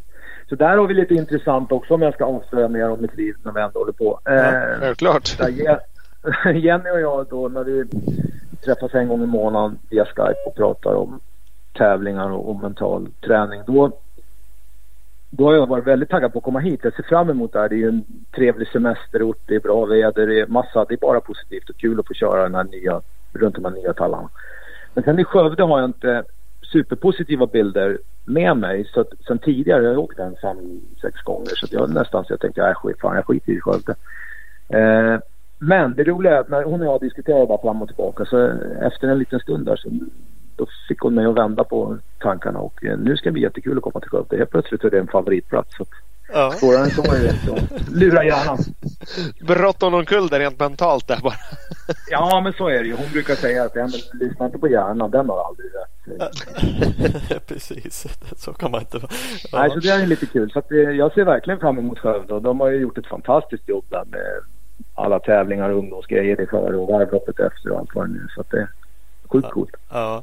ja. det är ju häftigt. Jag kan ju, alltså banan är ju mycket liksom och det är klart men det är, ändå, det är, mer, det är ju ändå hemma och mer folk mm. och publik och lite press har, har ju även ni gissar jag i alla fall. Klart man vill prestera liksom och man vill göra det bra och man vill inte göra bort sig? Eller? Jo, nu, nu vet jag inte några som kommer, men nu kommer bland, bland annat Pelle Westin har hört av sig han ska ju åka och han, han var ju smart. Han hörde av sig och frågade om det mesta hur det funkar och så eh, det är samma Anton Rosendahl till, till nu här i, i Estland i och då har han också hört av sig massa praktiska saker. Hur gör ni och bla bla bla. Och då, då rullar det på ganska lätt. Så, ja. så det är klart att jag, att jag vill ju spöa Pelle då när jag har harvat runt i världen och så kommer han och han inte vill göra i Skövde. Det går inte. Nej, så är det helt klart. Ja, fast, fast, han är bra så det, det, blir svårt. Men jag ska försöka. Ja, det ett försök.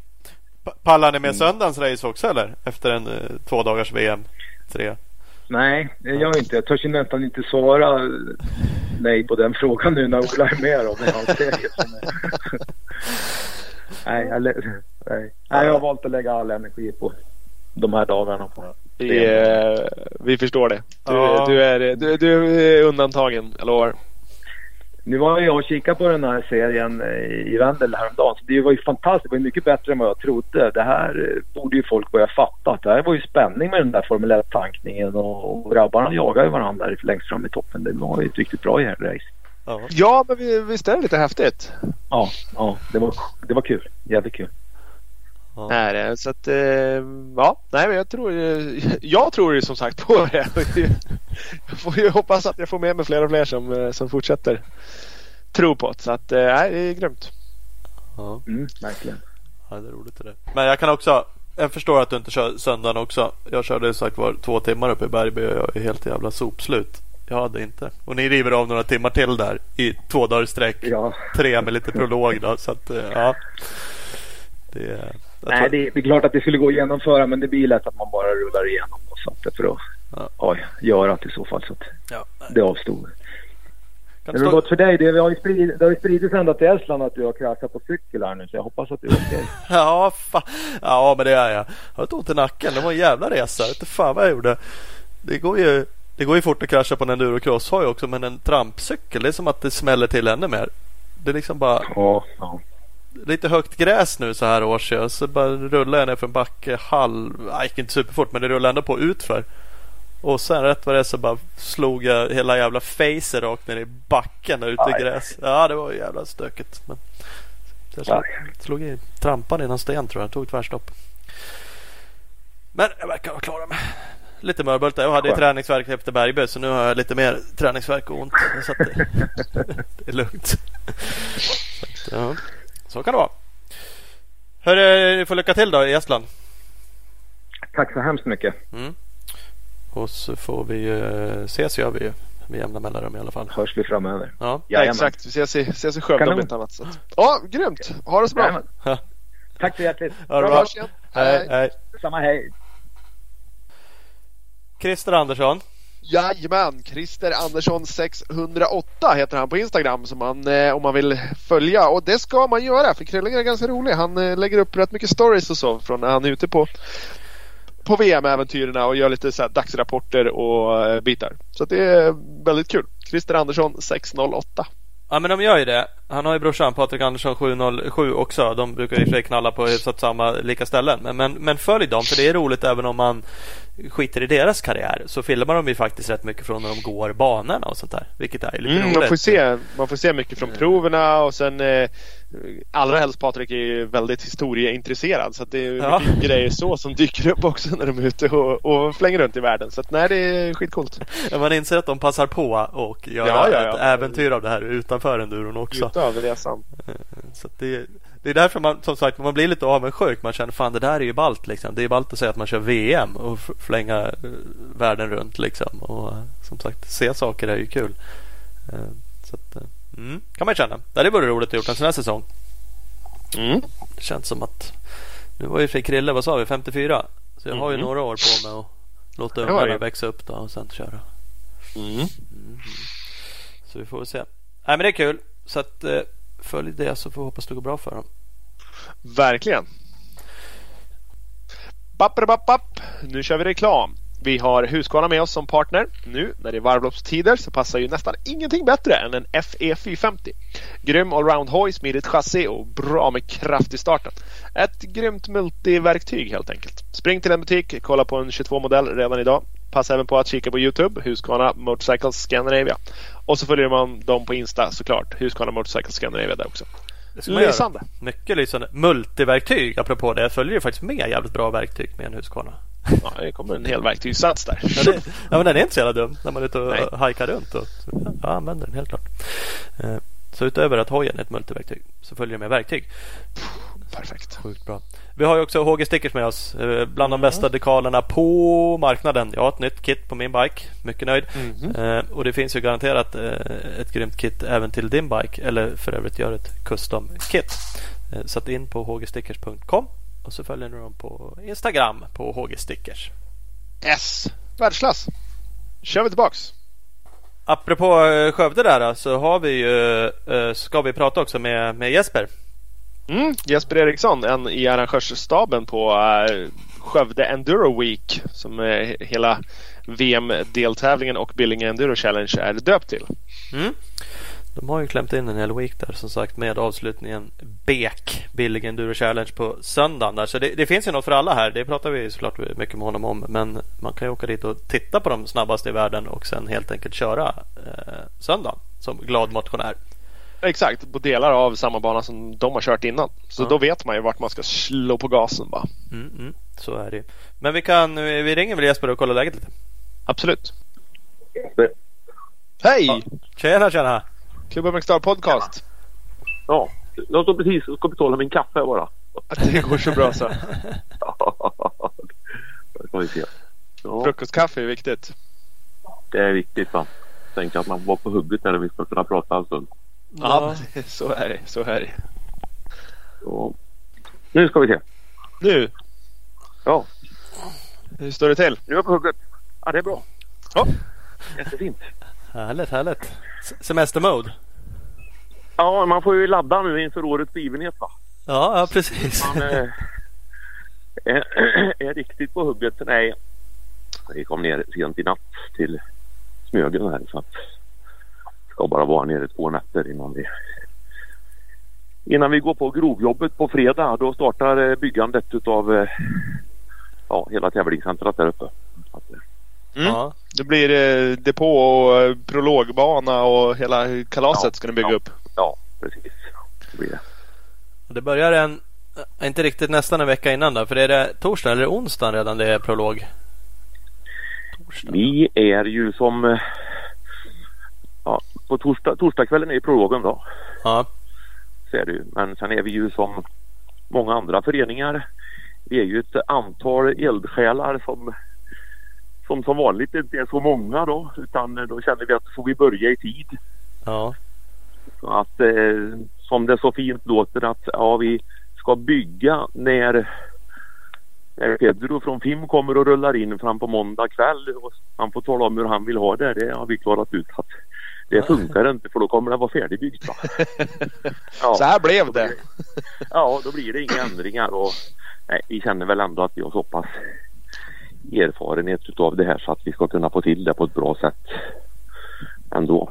Ja. För, för annars kommer de eh, liksom som organiserar det hela och eh, skulle rent teoretiskt kunna ha åsikter. Eller har väl det men har kanske pratat med er innan. Ja, ja, som det är så fint i den här världen som man har ju fått massa manualer och skisser hur det ska vara men nu har ju sen Fim tog åt sig tog tillbaka det här från förra promotorn då så har man ju gjort om det här och eh, kom då ut med den här manualen väldigt väldigt sent. Och det innebär väl att som man faktiskt har sagt också på alla sådana möten som vi har haft att deras syfte är inte att fälla utan deras ambition är att vi ska få till ett bra race tillsammans. Ja. Och det är väl en Nog. eh, schysst inställning. Nog så viktigt, absolut. Ja, ja. Eh, Men det är, det är jag vet, det är många andra här hemma som har varit med om sådana här race förut och manualen är tjock. Det är mycket detaljer. Alltså. Det är mer än man tror. Jag vet jag såg SM Cross-manualen för något år sedan och då tänker man sig det är inte så märkvärdigt. Men, men, men Nej. dels är det bra arrangemang nu för tiden. Men det är mycket där. Ja. Det är sånt här runt omkring Ja. som att du ska ha ett pressrum som är så här stort, som har det här internet, som har det här och det där. Alltså sånt som de flesta inte tänker på. Man tänker på om du ska bygga banan och sätta pilar åt rätt håll. Men, men, men det är ganska Ja. mycket runt omkring. Jo, verkligen. Alltså, det finns ingen hejd på detaljerna. Nej. Och det är väl kanske som så här att det här evenemanget det ska ju kunna arrangeras runt om i världen på olika platser med olika grad av infrastruktur. Och de har väl garderat sig kanske mot att vi får nog skruva åt det lite extra så att det kan fungera. Men man märker ju också att de ger oss ganska mycket handlingsfrihet. Ja, Jajamän. jo men det är... Det, är- ja, det, det ska väl kanske vara sådär. eh, Speciellt om man kan göra det med lite flexibilitet. För att det är klart, det är ju det, det värsta vi har inom en enduron. och Det är ju VM trots allt. Så det är klart det ska vara bra. eh, Och Ja. proffsigt arrangerat. Så att, Ja, Mm. sen, samtidigt många utav, om man tittar, på, tittar bara på våra SM nu, de som är ute där och, och som Marcus där lägger upp där, det är ju ofta otroligt välorganiserat just i själva tävlingscentrat. Utan om det är brister då kan det vara ute, ute på banan ibland då, hos kanske någon arrangör som har missat någonting. Men, men det som han arrangerar in i tävlingscentrat det är ofta riktigt proffsigt tycker jag. ja. Nej, helt klart. Ja, men det är det. Ja. Ma- Man har ju blivit otroligt van med så här live-rapporteringar och webbradio Ja. eller film. Eller liksom, man blir ju jättefrustrerad direkt. Bara, "Va- va- varför får jag inte uppdatering här nu exakt på Ja, sekunden? ja. Och det är ju inte alla lika bra på runt om i världen.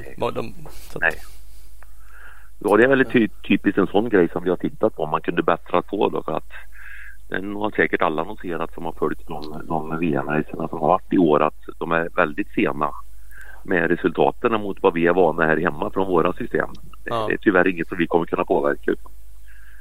De är... Då får man stå på plats och klocka själv. Ja. ja. Men vi är glada att vi kan erbjuda den möjligheten så att det är bara att ta med sig några stoppur och komma hit och stå vid proverna. Exakt. Ja, precis. Nu är det ju publik eh, tillstånd ja. för att ha publik. Ja, det är det. Vad innebär det? Är det ändå lite begränsningar eller är det fullfräs bara? Och... Nej, utan det är väl som man får väl rannsaka sig själv. Det finns ju fortfarande ett antal regler som gäller här i Sverige mm. så att man följer dem. Det här med att hålla avstånd och eh, som vi också har gått ut med. Vi tror eh, tillsammans med polisen att det blir största publikplatsen i slalombacken. Med att eh, vi kommer anmoda folk att sitta ner där då. Ja. sitter man ner där, ja då får vi ha avsevärt mycket mera åskådare. Sen mm. som polisen har sagt, det är så stora ytor om man jämför med andra utomhusevenemang så att de ser inte att det ska bli något problem. Nej, Nej, alltså och utomhus om man nu, eh, nu inte jag medicinsk så, men det är ändå, det känns som att smittorisken och det där är ju betydligt mycket mindre. Så det är ja. bra på så sätt. Och som du säger, det är enorma ytor. Sen kan det ändå bli ja. så att man står packat. Så är det Så att det är klart det är upp till alla att eh, ta så stort ansvar man kan. Ja, utan, utan det, som, det som vi har ont om i anslutning till den här slalombacken och skidstadion där paddock kommer vara, det är ju parkeringar. Mm. Men då har man då från, från kommunen här släppt till framförallt Billingehov som är en eh, jättestor anläggning med Skövdemått mätt med jättestor parkering där man även har sagt att där får man då ställa upp husbilar och husvagnar så att man kan bo där. Sen kommer det att gå bussar därifrån under tävlingshelgen. Sen finns det också en, en stor gratisparkering centralt i stan, den är inte lika stor. Men där kommer också de här pendelbussarna passera. Ja, eh, så det kommer snurra bussar torsdag kväll, hela fredagen, hela lördagen, hela söndagen. Mm. För att åker man alltså med sin bil och kommer för att titta, åker man till slalombacken eller skidstadion så kommer man bara få vända. Ja. Det är ju jättebra att veta. Ja. Att eh, bussa in, det är the way to go. Ja. Ja men precis. Följ de eh, direktiven som sagt. Då går det eh, regelbundet bussar så ska inte det behöva vara något problem. Då är det helt enkelt Nej. bara att ställa sig där man blir anvisad och så ja. åka buss. Sen kan det också vara bra att veta att man ser ju klart, helt klart allra bäst gör man ju i, i slalombacken. Det kommer bli mycket spektakulärt där och i direkt anslutning till den så har man ju paddocken där man kan gå man får ju gå upp några höjdmeter men där uppe på toppen på berget så har man ju paddocken så man kan gå där och titta när det blir de här eh, uppehållen. Det kommer finnas både längst ner på slalombacken och längst upp kommer det finnas matställen. Mm. Och de andra proverna, vårat eh, det här crosstestet, det är ju inne i det så kallade Cementa-brottet här i Skövde. Och vi släpper inte in någon publik innanför staketet där för det är sådana riskområden där inne. I fjol på SM så stod man ju på en del ställen utanför staketet och kikade men det är, det är inte så optimalt att titta där. Och eh, ja, i sådana fall så är det väl om man åker, men då har man en bra bit att åka ner till det militära övningsfältet där endurotestet är och ge sig ut i skogen där nere. Mm. Eh, det, där kan man ju komma åt och kika lite naturligtvis. Men, men klart bäst publikplats det är slalombacken i Skövde och om jag kom hit som publik och vill titta då skulle jag nog pendla mellan slalombacken och eh, det här endurotestet nere på övningsfältet. Det är också de två proverna som tidsmässigt under slingan kommer ligga eh, med störst mellanrum i tid då, så att man hinner förflytta sig emellan. Ja, precis. Så är det. Varvet som vi har fått till här det kommer väl ligga tidsmässigt mellan 2.20 och 2.30. Det ska ju köras mm. utav eh, toppklasserna då, tre varv varje dag. Eh, jag kan väl berätta lite om varvet. Eh, förarna kommer starta vid det kallade Billinge-centrat då som ligger mellan paddock och hotellet och vi pratar väl att det ligger det är 100 meter mellan paddock och hotellet och däremellan ligger Billingencentrat så det kommer båda tidcentrarna vara. Mm. startar man och går ut på den första slingan och då åker man då en transport och den här transporten som man kör det är ju Bäckslingan som går lite skogspartier och motionsspår. Och så kommer man ut på, på riksväg mellan Skövde och Skara. Kör stor motorled ner till övningsfältet. Sen är det en kuperad transport ganska långt ner på övningsfältet och då kommer man ner till de i endurokretsar så välkända betongbackarna då. Mm. Där nere går alltså endurotestet och det är ganska mycket sand. Är det. det är ett jättefint prov där nere som många kommer tycka är fantastiskt och det är ganska eh, man känner ju igen området från SM i fjol men det är ganska mycket omgjort. Det är Yes. Det provet eh, är väl någonstans en 6-7 kilometer långt. Så att man kör det och sen har man en än mer kuperad, en riktig svensk endurotransport tillbaka in över övningsfältet då. Naturligtvis så blir sista biten asfalt igen. Och så småningom eh, när man närmar sig eh, det här motionsområdet då går man på det här bäckspåret igen och så rullar upp det till skidstadion och går in i paddock där servar. Då har man åkt loop 1. Eh, vidare ner till Billingencentrat. Nästa TK går på loop 2 och direkt efter man startar loop 2, bara 100 meter efter, så har vi då start på eh, extremprovet slalombacken där vi har både start och mål högst upp. Så man ska kasta sig ut i branten där då. eh, naturligtvis så kör vi ju ner i det branta för ner kommer man ju alltid va. Så att man får ta sig upp i den flackare delen då. Ja. Eh, och eh, ansvariga för provet där har väl lite planer beroende på väderlek. Om man nu målar upp hur det var på SM där i fjol när det regnade. Så, ja. eh, man kör hela det provet, kommer tillbaka då upp på toppen på berget och fortsätter en transport som går åt motsatt håll, alltså västerut, ut över Billingen, ut över den stora Blängsmossen där uppe. Det är inte så farligt som det låter för det går en väg över mossen. Och så kör man riktigt fina stigar, eh, småvägar över berget där och kommer så småningom in då till eh, till det här Cementa-provet så att man avslutar den loopen med crosstest på Cementa och slutligen samma transport igen upp till skidstadion. Så på loop 1 alltså ett prov, endurotest på Asterberg och loop 2 så har vi två prov, extremtest i slalombacken och crosstest på Cementa och det är också crosstestet på Cementa som är det längsta. Det provet är nästan en mil. Är det. All right. Och det är inte riktigt så hårt som det låter utan det är väldigt varierande. Det går ute på stora fina fält också med såna här långa fina goda svängar.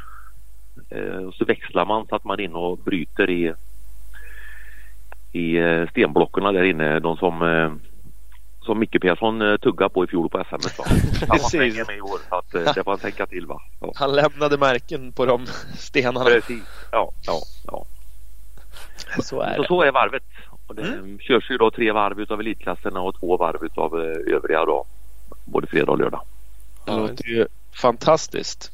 Va, vad säger regelboken om det? Det är lite intressant att man benämner saker. Crosstestet. Tänker man ja. crossbana då så är man ju ofta ute och cyklar för det är det ju rätt sällan. Uh, ja. Vad va är kravet på ett cross? Finns det liksom att ändå så här ska det vara? Eller det, som... det finns väl rekommendationer hur det ska vara. Så är det väl och, och, när vi har diskuterat det här fram och tillbaka så har vi varit ganska tydligt från början att mest extremt är det i slalombacken. Mest klassisk internationell enduro är det nere på Basteberg och den här ytan in i ett brott som det blir. Jag skulle nog vilja säga annars att crosstestet är lika mycket endurotest som crosstest. Ja. Men det finns en del rekommendationer hur det ska vara. Men det är inte så statiskt att man måste följa det precis. Nej. Nej. Eh, det crosstestet i brottet där som är en mil. Åker eh, Billing Enduro Challenge hela det testet eh, som en del i sitt vi varv? Tar bort, vi tar bort eh, de vi vill att det ska vara en del utslagsgivande partier på VM. Lite besvärliga backar och så. Ja. Eh, som nu ska jag inte skrämma någon utan vi kommer ju, är det riktigt besvärligt kommer det finnas förbifarter. Men de här backarna tar vi bort helt på eh, däck. Mm. Yes. Så att eh, går det upp och ner på något besvärligt parti då kör vi rakt fram där på bäck. Ja. det. Jajamän. Utan eh, våran ambition med bäck är att alla ska tycka det här var ett fantastiskt roligt motionslopp. Det vill vi komma tillbaka och köra. Yes. Eh, vi vill inte höra den där aldrig mer va. det, det är ingen ambition vi har. Nej. Nej, det är nog, nog så viktigt det med. Ja, ja. Och det är, jag får väl få recensionerna utav er två efter loppet. Ja, absolut. Absolut. Ja, ja. Brukar... Sen blir det ju naturligtvis som, som det blir eh, när man då har kört det är två dagar innan men vi har ansträngt oss på sådana ställen där vi ser att det kan att det nu då kan, eh, som det gjorde på SM i fjol, på några ställen kom det upp lite sten och så är det därför där inne i brottet har vi gjort det väldigt brett. Och då är det ju som vanligt då, då är det upp till den enskilde om man väljer att köra i det värsta eller vill köra där det är lite finare. Det kan ju inte vi styra. Nej. Nej. Nej, så är det. Den snabbare linjen antar jag kommer bli sönderkörd av eh, VM-åkarna. Så Ja, att, eh, ja. vill man hitta en slät linje så, eh, ja, så går det också. Ja, ja, det är ju inte alltid så att den snabbaste linjen är lika snabb när det har körts där i två dagar utan då kan verkligen. det läge att hitta en ny snabbare linje. Precis. Eh, prologen torsdag kväll, går den i Ja. skidbacken också eller går den uppe på liksom närmare tävlingscentret? Prologen går eh, längst ner i slalombacken på torsdag kväll och det är det första right. start då klockan 18. Yes. Och eh, våran ambition eh, är inte att göra några så kallade förnedringshinder utan det ska vara åkbart. Men det blir väl mycket de här klassiska, någon stenkista, stockar, däck, några små hopp, eh, någon liten betongbalk man ska över så här. Men eh, vi vill att eh, alla ska tycka att det här är ett roligt prov och vi försöker också bygga de här hindren så att eh, de ska ingå i provet i slalombacken sen under tävlingen. Ja, precis. Blir de kvar till eh, Bäck också? Nej, de kommer inte vara med på bäck. Det kommer de Nej. inte vara. All right. Men där på... rätt Ja, språk där då när man tittar i program och så vidare så extremen heter ju då supertest Ja, precis. på, på eh, när man tittar i det här programmet. Sen så benämns det supertest och under själva fredagen, lördagen då är det ju extremtest där då. Yes. Man håller isär begreppen här va. Mm. Jajamän. Eh, p- till Bäck-racet sen, då, har, då är starten i skidbacken. Eller? Har jag Ja, missförstått? ja, ja. Starten där nere. Ja, det kommer fungera som så här att vi kommer att eh, uppe på skidstadion, där kommer vi ha besiktning, anmälan, alla vintercupen som vi brukar eh, ha i våran region runt omkring här så att man flying igenom där. Sen så kommer man få eh, line upp i en eh, folla där uppe och så rulla ner till eh, längst ner på slalombacken då. Nedanför slalombacken kommer det också vara foller för respektive klass. Och det blir ju då först i kvarn där nere. Sen så får man då ta sig fram till startlinjerna som kommer vara en kanske 100-150 meter upp i backen. Det är där som backen är plattast. Vi får ut mest bredd. Yes. Ja. Och så kommer vi då starta de här hiterna där och de stora hiterna så kommer det bli några olika led då med ett eh, antal sekunder mellan varje led. Vi kommer starta på eh, på ljussignal. Starten kommer filmas yes. och den som tjuvar kommer plockas av direkt efter första varvet. Så kommer det Precis. Hårda bud. Att, ja, jag tänkte väl lika bra vi reder ut det här direkt. Va? Jajamän. Så Ja. vill, man, eh, Ja. vill man inte åka hela racet så, så är det ett Ja. alternativ. Nej men det är självklart. Det är jätteviktigt Ja, det där. Det är ju ja, skittråkigt om, om det skulle bli någon tjuvstarter. Ola är Ja. duktig, duktig på att tänja på reglerna så det är bra att ni har lite sådana där saker. Så det Nej, jag är duktig på att starta men inte på tjuvstarta. Det har du, har du aldrig Ja, upplevt så du vet ingen Jag hörde skillnad. avsnittet när ni diskuterade Gotlandssporten där och jag förstod ju direkt alla tjuvknepar hur det går till. Jajamän, Ja, jajamän. precis. Ja. Nej, sen är det ju också som säger lite vi, vi vill ju naturligtvis som alla andra arrangörer att det inte ska hända något dumt. Vi tänker mycket säkerhetsaspekt här och man vill ju få ut det här startfältet i början så att därför är det några långa snabba svängar men vi ser väl att vi kommer ju inte släppa väg, det är nog nästan en eh, 800-900 meter innan vi släpper iväg nästa led i samma hit. Och det kommer vi då ha ett antal funktionärer, funktionärer som eh, lämnar klartecken innan vi Så det kan ju bli någon liten fördröjning om det händer någonting i någon sväng där uppe. Men vi vill ha de här första snabba farliga svängarna. Det ska vara rent där naturligtvis då innan vi släpper på nästa led. Mm. Precis. Det är viktigt så att det inte händer något dumt så att det kommer även vara funktionärer med gul flagg ut och så vidare. Så är det. Så är det. Eh, för de som har tänkt... det, det blir, ja, Ja, fortsätt. Fortsätt. det, det, blir, eh, det blir liksom lite spektakulärt när man kommer upp ur den här, en slalombacke, en slalombacke det är ju en eh, gräs och jord liksom. Men när man kommer upp ur backen då ska man runda hotellet och så blir det helt plötsligt där 100 meter asfalt och så viker man ner på en grusväg under en viadukt och sen grus in över skidstadion upp, passerar den där serviceslingan som vi har där uppe och sen blir det bröta ner i skogen där vi har röjt också ett brett spår så att eh, ja, det blir stor variation på spåret och det kommer liksom sålla agnarna från vetet. Det kommer det göra. Det är De som vill köra riktigt fort men samtidigt så är det fantastiskt fint om man vill komma hit som motionär och åka runt. Det är fint och riktigt körbart bort överallt. Ja, det är- Namur-feeling på det där då. Lite asfalt runt hotellet. Ja. Stanna Ja, på ja. hotellbaren. Ta en kala precis. bira. Ja, Ja, ja. ja. Inte, Ja, inte faktiskt att eh, när du ändå har uppe det så att precis vid start och mål högst upp på slalombacken. Där har vi faktiskt eh, hotellet minigolf. Så vill man bryta av tillställningen lite med något annat va. På den här minigolfbanan är det dessutom så bra då så att de kommer ha där har de rättigheter och käk så att det kommer vara öppet dagtid där. Eh, för den som är och tittar så det kan man sätta sig och ta en kall öl och titta ut över slalombacken va.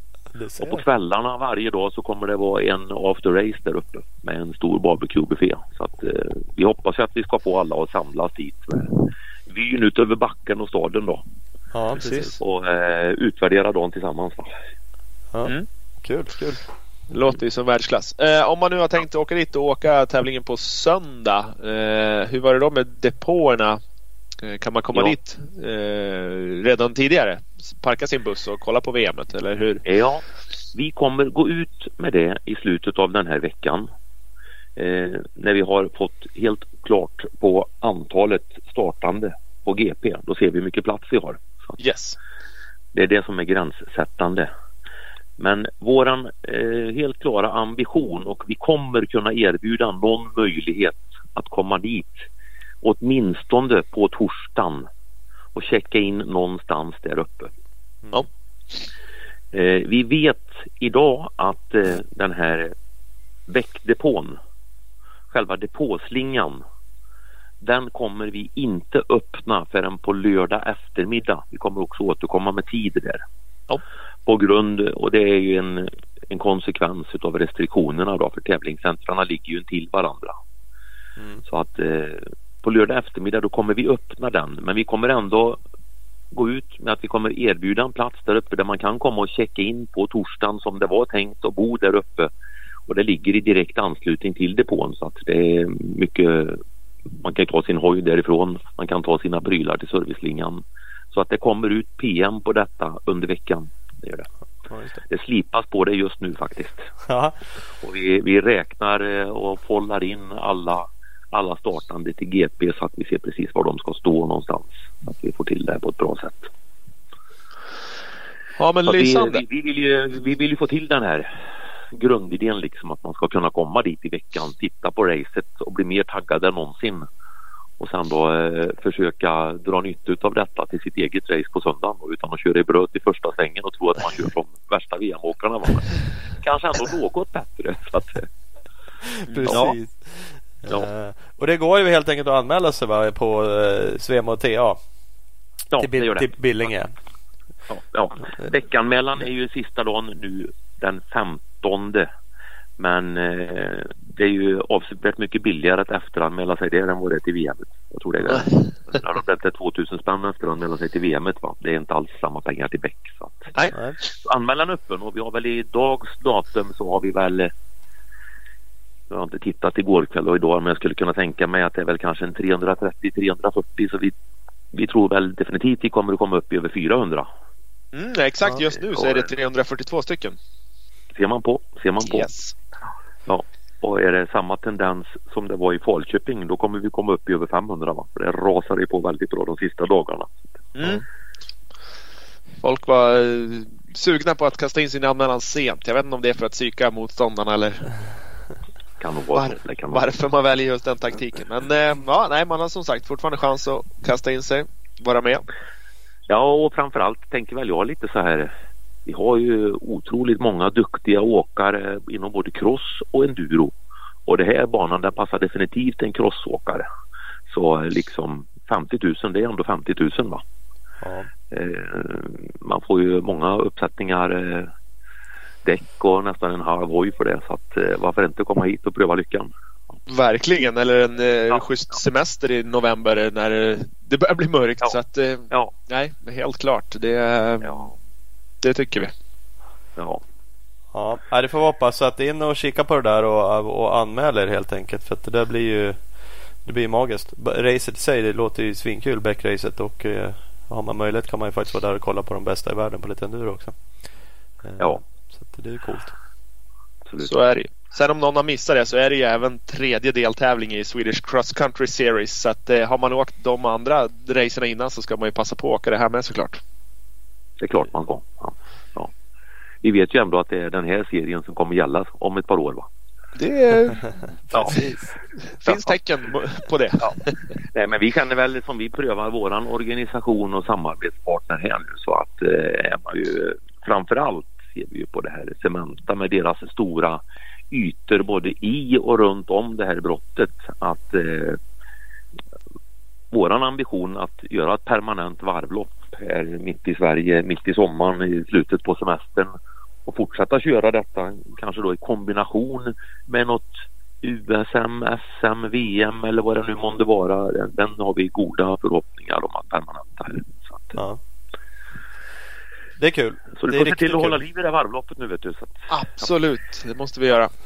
ja. Ja men grymt. Vad roligt att höra lite vad som gäller. Det låter ju faktiskt eh, riktigt bra allting. Så att, Ja. vi, Jag vill också, också slå en, en, eh, en extra liten eh, promota lite eh, våran ambition med det här. Vi som håller på med det här, vi gör ju det här för sporten. Eh, Vi tycker ju det är roligt att liksom få hit den internationella cirkusen och vi ser ju också att så fort som man har något sånt här i Sverige så ökar ju intresset från våra ungdomar. Mm. Och, och vi sticker ju inte under stol med det som vi har gått ut och sagt tidigare att vi prövar ju vår egen organisation, våra samarbetspartner, ser vad vi mäktar med. Men vi är ju, vi som väl brinner mest för det här, vi ser det inte som någon omöjlighet här i framtiden att vi i våran region här med, med kanske till exempel då som Skövde som centralort och så kranskommunerna med alla våra samarbetspartner på vintercupen kunna få till ett six days här. ja. Ja. Det, det skulle vi tycka vore fantastiskt roligt liksom. Men då, då är vi verkligen ja, bara helt enkelt bara för vi tycker att det här är så otroligt kul va. Det, Ja. Är, Och då för att vara med på det här tåget precis som vi också skriver på på vår sida för Skövde Enduro Week så finns det ju redan nu då möjlighet att gå in och anmäla sig som volontär. Just Då får man ju Yes. vara med och titta riktigt nära. Eh, Då kommer man in och kan vara in och titta på alla proverna. Stå precis intill, känna vinddraget och dammet ner i halsen. Va? Vi bjussar självklart på mat. Man får alla de här kläderna, man får eh, någon fin tröja som minne utav den här veckan. Och vi kommer också anvisa en plats där man kan bo. Så att eh, ett slå eh, tvekant då om ni vill komma till Skövde och vara med på lite närmare håll med den här veckan att gå in på, på Skövde Enduro Week, leta rätt på volontärfliken och gå in och anmäla er där. Ja. yes, där hör ni. Där hör ni. Ja. Absolut, absolut. Nej, men det tycker jag man ska göra. Varför inte? Det är ju många som, som vill vara där och titta. Man kan tänka sig att hjälpa till. Eh, Så att det vore Ja. ju svinkul. Och det är Ja. jävligt kul det ni gör. Och det låter ju, blir man ju jävligt taggad på också. Ett six days hade ju såklart varit riktigt coolt. Eh, Så Ja. att, eh, Och också då naturligtvis om man nu kommer hit tidigt i veckan så vi har ju i Skövde, FMCK Skövde, så har vi ju en väldigt stor ungdomsdel.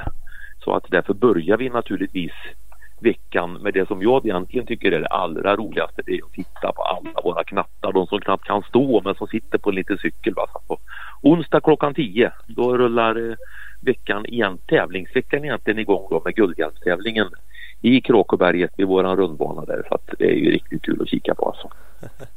Det ska man inte missa heller om man kommer hit. Va? nej. Helt klart. Ja, vad roligt. Vad kul att det är så mycket aktivitet där och att ni har planer framöver. Eh, och hoppas allt går vägen nu. Det vart ju lite trist förra året då, och med allt vad det nu är med coronan. Men nu känns Ja. det ju lite mer hoppfullt. Ja, Eh, verkligen. Så att, eh, så det är roligt. Så att vi. Ja. vi får väl se om vi hinner ses då. Du har väl fullt upp kanske. Men eh, vi kommer ju ner. Jag kommer ner och kör lite på söndagen i min förhoppning i alla fall. Får se mig där någon dag innan och kika lite. Så att, eh, I min värld är det ju så här att det spelar ingen roll hur mycket man har. Det går alltid att få in lite mer. Ja, ja precis. Det, det är väl Ja. den inställningen man måste ha kanske om man är involverad i något Jo. sånt här. Man ska inte se, det är för många som bara ser problem. Va? Man ska Ja. se möjligheter. Ja, det är rätt. Helt Ja. rätt. Ja, men snyggt. Det var kul att, att prata och få lite info. ja verkligen. Så, eh, Hoppas nu verkligen att alla era lyssnare kommer hit också. Ja, absolut. Ja, men det är, måste ju nästan ses som obligatoriskt att lyssnar man på Ja. det här så måste man ju dit och heja på svenskarna. Ja, Och kanske delta i Beck också. Så att ja, Ja, ja. Det blir en jättefin vecka. Det blir det. övertygad. ja, Då är det bara att börja träna nu då. Ja, vi får göra det. Ja, ja. bättre sent än aldrig va? Precis. är det. Det är så det är. Ja, grymt. Vi hörs Ha det bra då så ses vi där nere. Det gör vi. Sköt om Ja, er. Ha det gött. Tack. Hej hej. Hej. Boom! Där har ni all info om Oh. Skövde Enduro Week. Det blir ja, det man behöver veta. Googla det så finns det en jättefin hemsida skövdeenduroweek.se Mm. Och även Billinge Enduro Challenge. Jag tror det till och med var där under som den här eh, volontärs eh, fanns. Så kan det nog vara. billingendurochallenge.se Så att det det där hittar i Google åt er. Där har ni all information. Jajamän. Svem och Thea anmäler er på. Mm. Uh, asgrymt. Eh, vi har ju något vi kallar för veckans sociala mediesvep. Yes box. Eh, och det presenteras av Opus Bilprovning. Så att eh, ska ni besikta er bil, eh, husbil, husvagn, traktor, motorcykel, Motorcykel, skoter, vad som helst. vad som helst så är det opus.se ni går in på. Så att eh, styr ni upp det där så supporta dem så supportar ni oss. Det är ju superenkelt. Mm. Vad har vi då? Ska du börja? Jag kan börja. Jag har eh, min, min nya favoritcrossåkare Aaron Plessinger understreck 7. Han är så jävla härlig. Först och främst bara för att han har en eh, fet mustasch och eh, hockeyfrilla som eh, Jaromir Jagr har varit avundsjuk på. Och sen eh, 7 juli har han lagt ett, upp ett klipp. Han var väl trea tror jag overall på, på Red Bud. Och Red Bud eh, går ju oftast i samband med 4 juli som är eh, Amerikas nationaldag. De gillar att fira lite extra där. Så Plessinger, eh, även Jetson tror jag, men de är ju ute bland publiken och sprutar champagne på dem och häller i halsarna. Och, äh, det, ser bara, det ser bara ut som ett ställe som man skulle vara och vara med om. Ja. Just de där grejerna. Ja, jo, de är. Han är ju skön. Han känns ju jävligt jordnära liksom. Han är inte så Jävligt jävla stekig. Utan han bara... Nej. Han är fan en jävla eh, sydstatsamerikanare. som tycker det är lite ballt att åka hoj och tycker det är kul och livet leker liksom. Det, han känns inte som, han tar det så mycket seriösare än så men eh, hoj kan jag ju åka, det är sjukt snabb.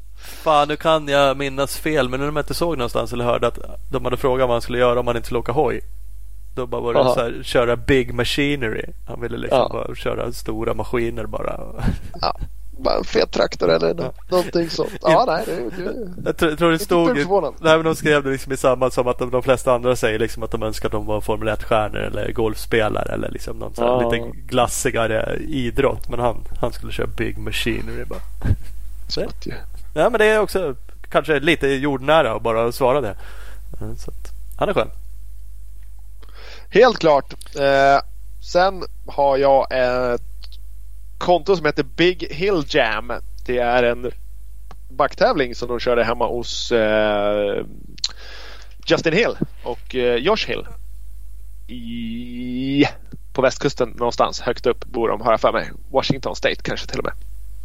Ja, Det här är ett klipp som är utlagt till 23 juni. Det är oklart dock om klippet är från nu eller om det är från eh, förra året när de körde den, det, det racet. De ska köra det igen. Men det är en backtävlingshoj som eh, bränner på upp en backe. Gör ett jävla eh, klutchhopp mitt i, hoppar typ 20 meter, landar på fullt påslag. Bra, bra ladd och jävligt bra sång i den hojen.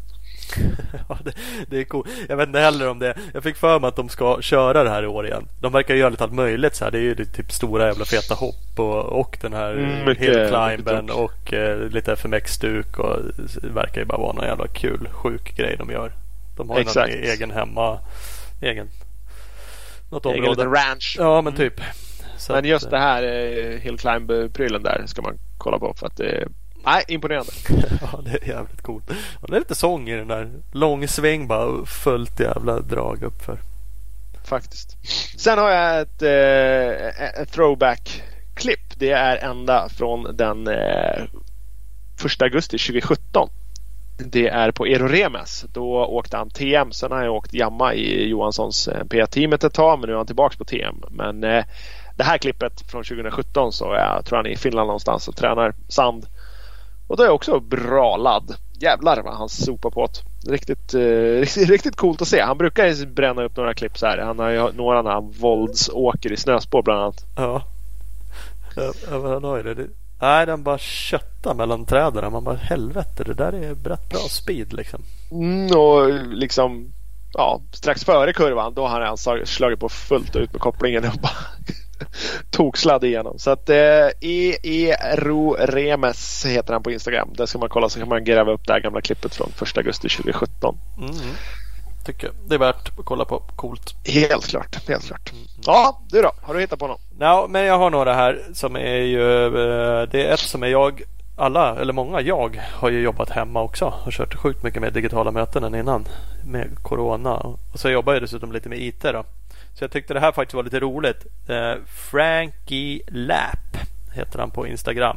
15 juni la han ut. Det, det här har figurerat på massa andra sidor har jag sett det. Men ett work from home-klipp. Han har helt, åker helt enkelt med en green screen. Så han har ju satt en stor grön eh, skärm bakom sig på en, en crosshoj. Eh, Med, med datorn i knät. Så tanken är väl liksom att fejka ett digitalt möte helt enkelt samtidigt som man är ute och kör bike. Eh, Och jag tycker fan det är jävligt, Ja. jävligt roligt. Det är liksom, han har verkligen gjort det också. Det är liksom, för på den här green screenen då så ser han väl såklart till att det ser ut som ett kontor liksom. Samtidigt är det därför han har den här grejen bakom ryggen. Jag tyckte det var lite roligt. Helt klart. Kollar man på hans konto så har han eh, hittat på eh, flera andra eh, Ja, andra övningar han är ute och gör. Hoppa fallskärm och allt möjligt med green screen så det ser ut som man är på möte. det, det är klockrent. Jag, klassikern är ju Ja, annars att slå av sin eh, kamera. Men den eh, åker man ju Mm. ofta dit på. Det brukar jag göra. Alla ska ha kamerorna på rätt för det. Man bara eh, okej. Då kan man inte riktigt gärna stå i garaget. Eller ute och åka hoj. För det var ju klart bättre. Yes. Ett annat klipp som faktiskt är gammalt men det är upplagt 12 juli på Josh Sheheen Shehans eh, heter han väl kanske. Shane FMX, FMX-kille. Det här är gammalt. Yes. Men det är lite coolt. Grabbarna som har slagit axlarna ur led några gånger och kraschat lite. Han så chillar fram till någon snubbe som har från kraschat. Ja, glider fram, sitter en kille, ser så jävla ynklig ut, slagit axeln ur led. Och så bara går han fram, pratar lite lugnt med honom. Han bara, "Ja, men gör så här, ställ dig på handen liksom. Böj dig ner, så här, böj på knäna. Och så bara sträcker du bara ut. Så bara pop! Bara, bara ser du axeln poppar in i läge liksom på den här killen. Och han ser så jävla nöjd ut killen som Ja. har axel ur led. Ah, fy fan vad skönt. Ja, det var verkligen. Så det var så här, man bara, ja men det där har han gjort förut helt enkelt. Ja, en och annan gång. Så det är bara lite, det var så är han helt chill liksom. Också sådär bara, Ja, hej. nej, man gör sådär. Inga problems. Det är, liksom, det är bara vardag att axlarna hoppar. Ja. Det hör till. Eh, det hör till. Sen är det från uh, Pro Motocross, AMA-racet. Det är väl det senaste. Mm. Eh, Southwick. Yes. Eh, Jet Lawrence har vi haft med jättemycket men det är Jellic Swall och Jet Lawrence som ligger och fightas. Och Jel- Swall där får ju sån jävla... Hans framhjul släpper väl upp över något hopp. Att han klarar sig är ju helt jävla otroligt för övrigt. Ja, inte han blir går ju bort. även landad på liksom. Men han, han scrubbar nog jävligt hårt också. Det är inte bara ett kast utan han scrubbar nog undan jävligt hårt och så eh, landar han lite tidigare än vad, än vad Lawrence hade förut. Ja, det blir inget bra. Men han får en halv fipper. Men absolut, han är liksom är hyfsat uppvaktad av Lawrence. Så han laddar väl järnet. Och det liksom släpper lite och så på en scrub. Och han håller på fullständigt flyger av och landar ju precis under Lawrence som landar på hans bakskärm. Och så. så Lawrence kraschar ju rätt hårt. Men han får ju upp. Så det, det gick ju bra då uppenbarligen. Men ja, ett klipp från senaste AMA Motocrossen. Jajamän, jajamän. Det hoppas jag att man eh, har eh, signat upp sig på Viaplay så man kan kolla på. Mhm. Ska man göra. Kraschklipp igen, bara misslyckanden. Det har jag alltid med. Skönt. Ja, det Genomgående. så du, så du jobbar. Så jag jobbar. när, när de gör bort sig. Ja, ja, Exakt. Ja, ja härligt. Smutt. Då säger Vi vi klara. tack och hej. Det gör vi. Ha det. Hej hej.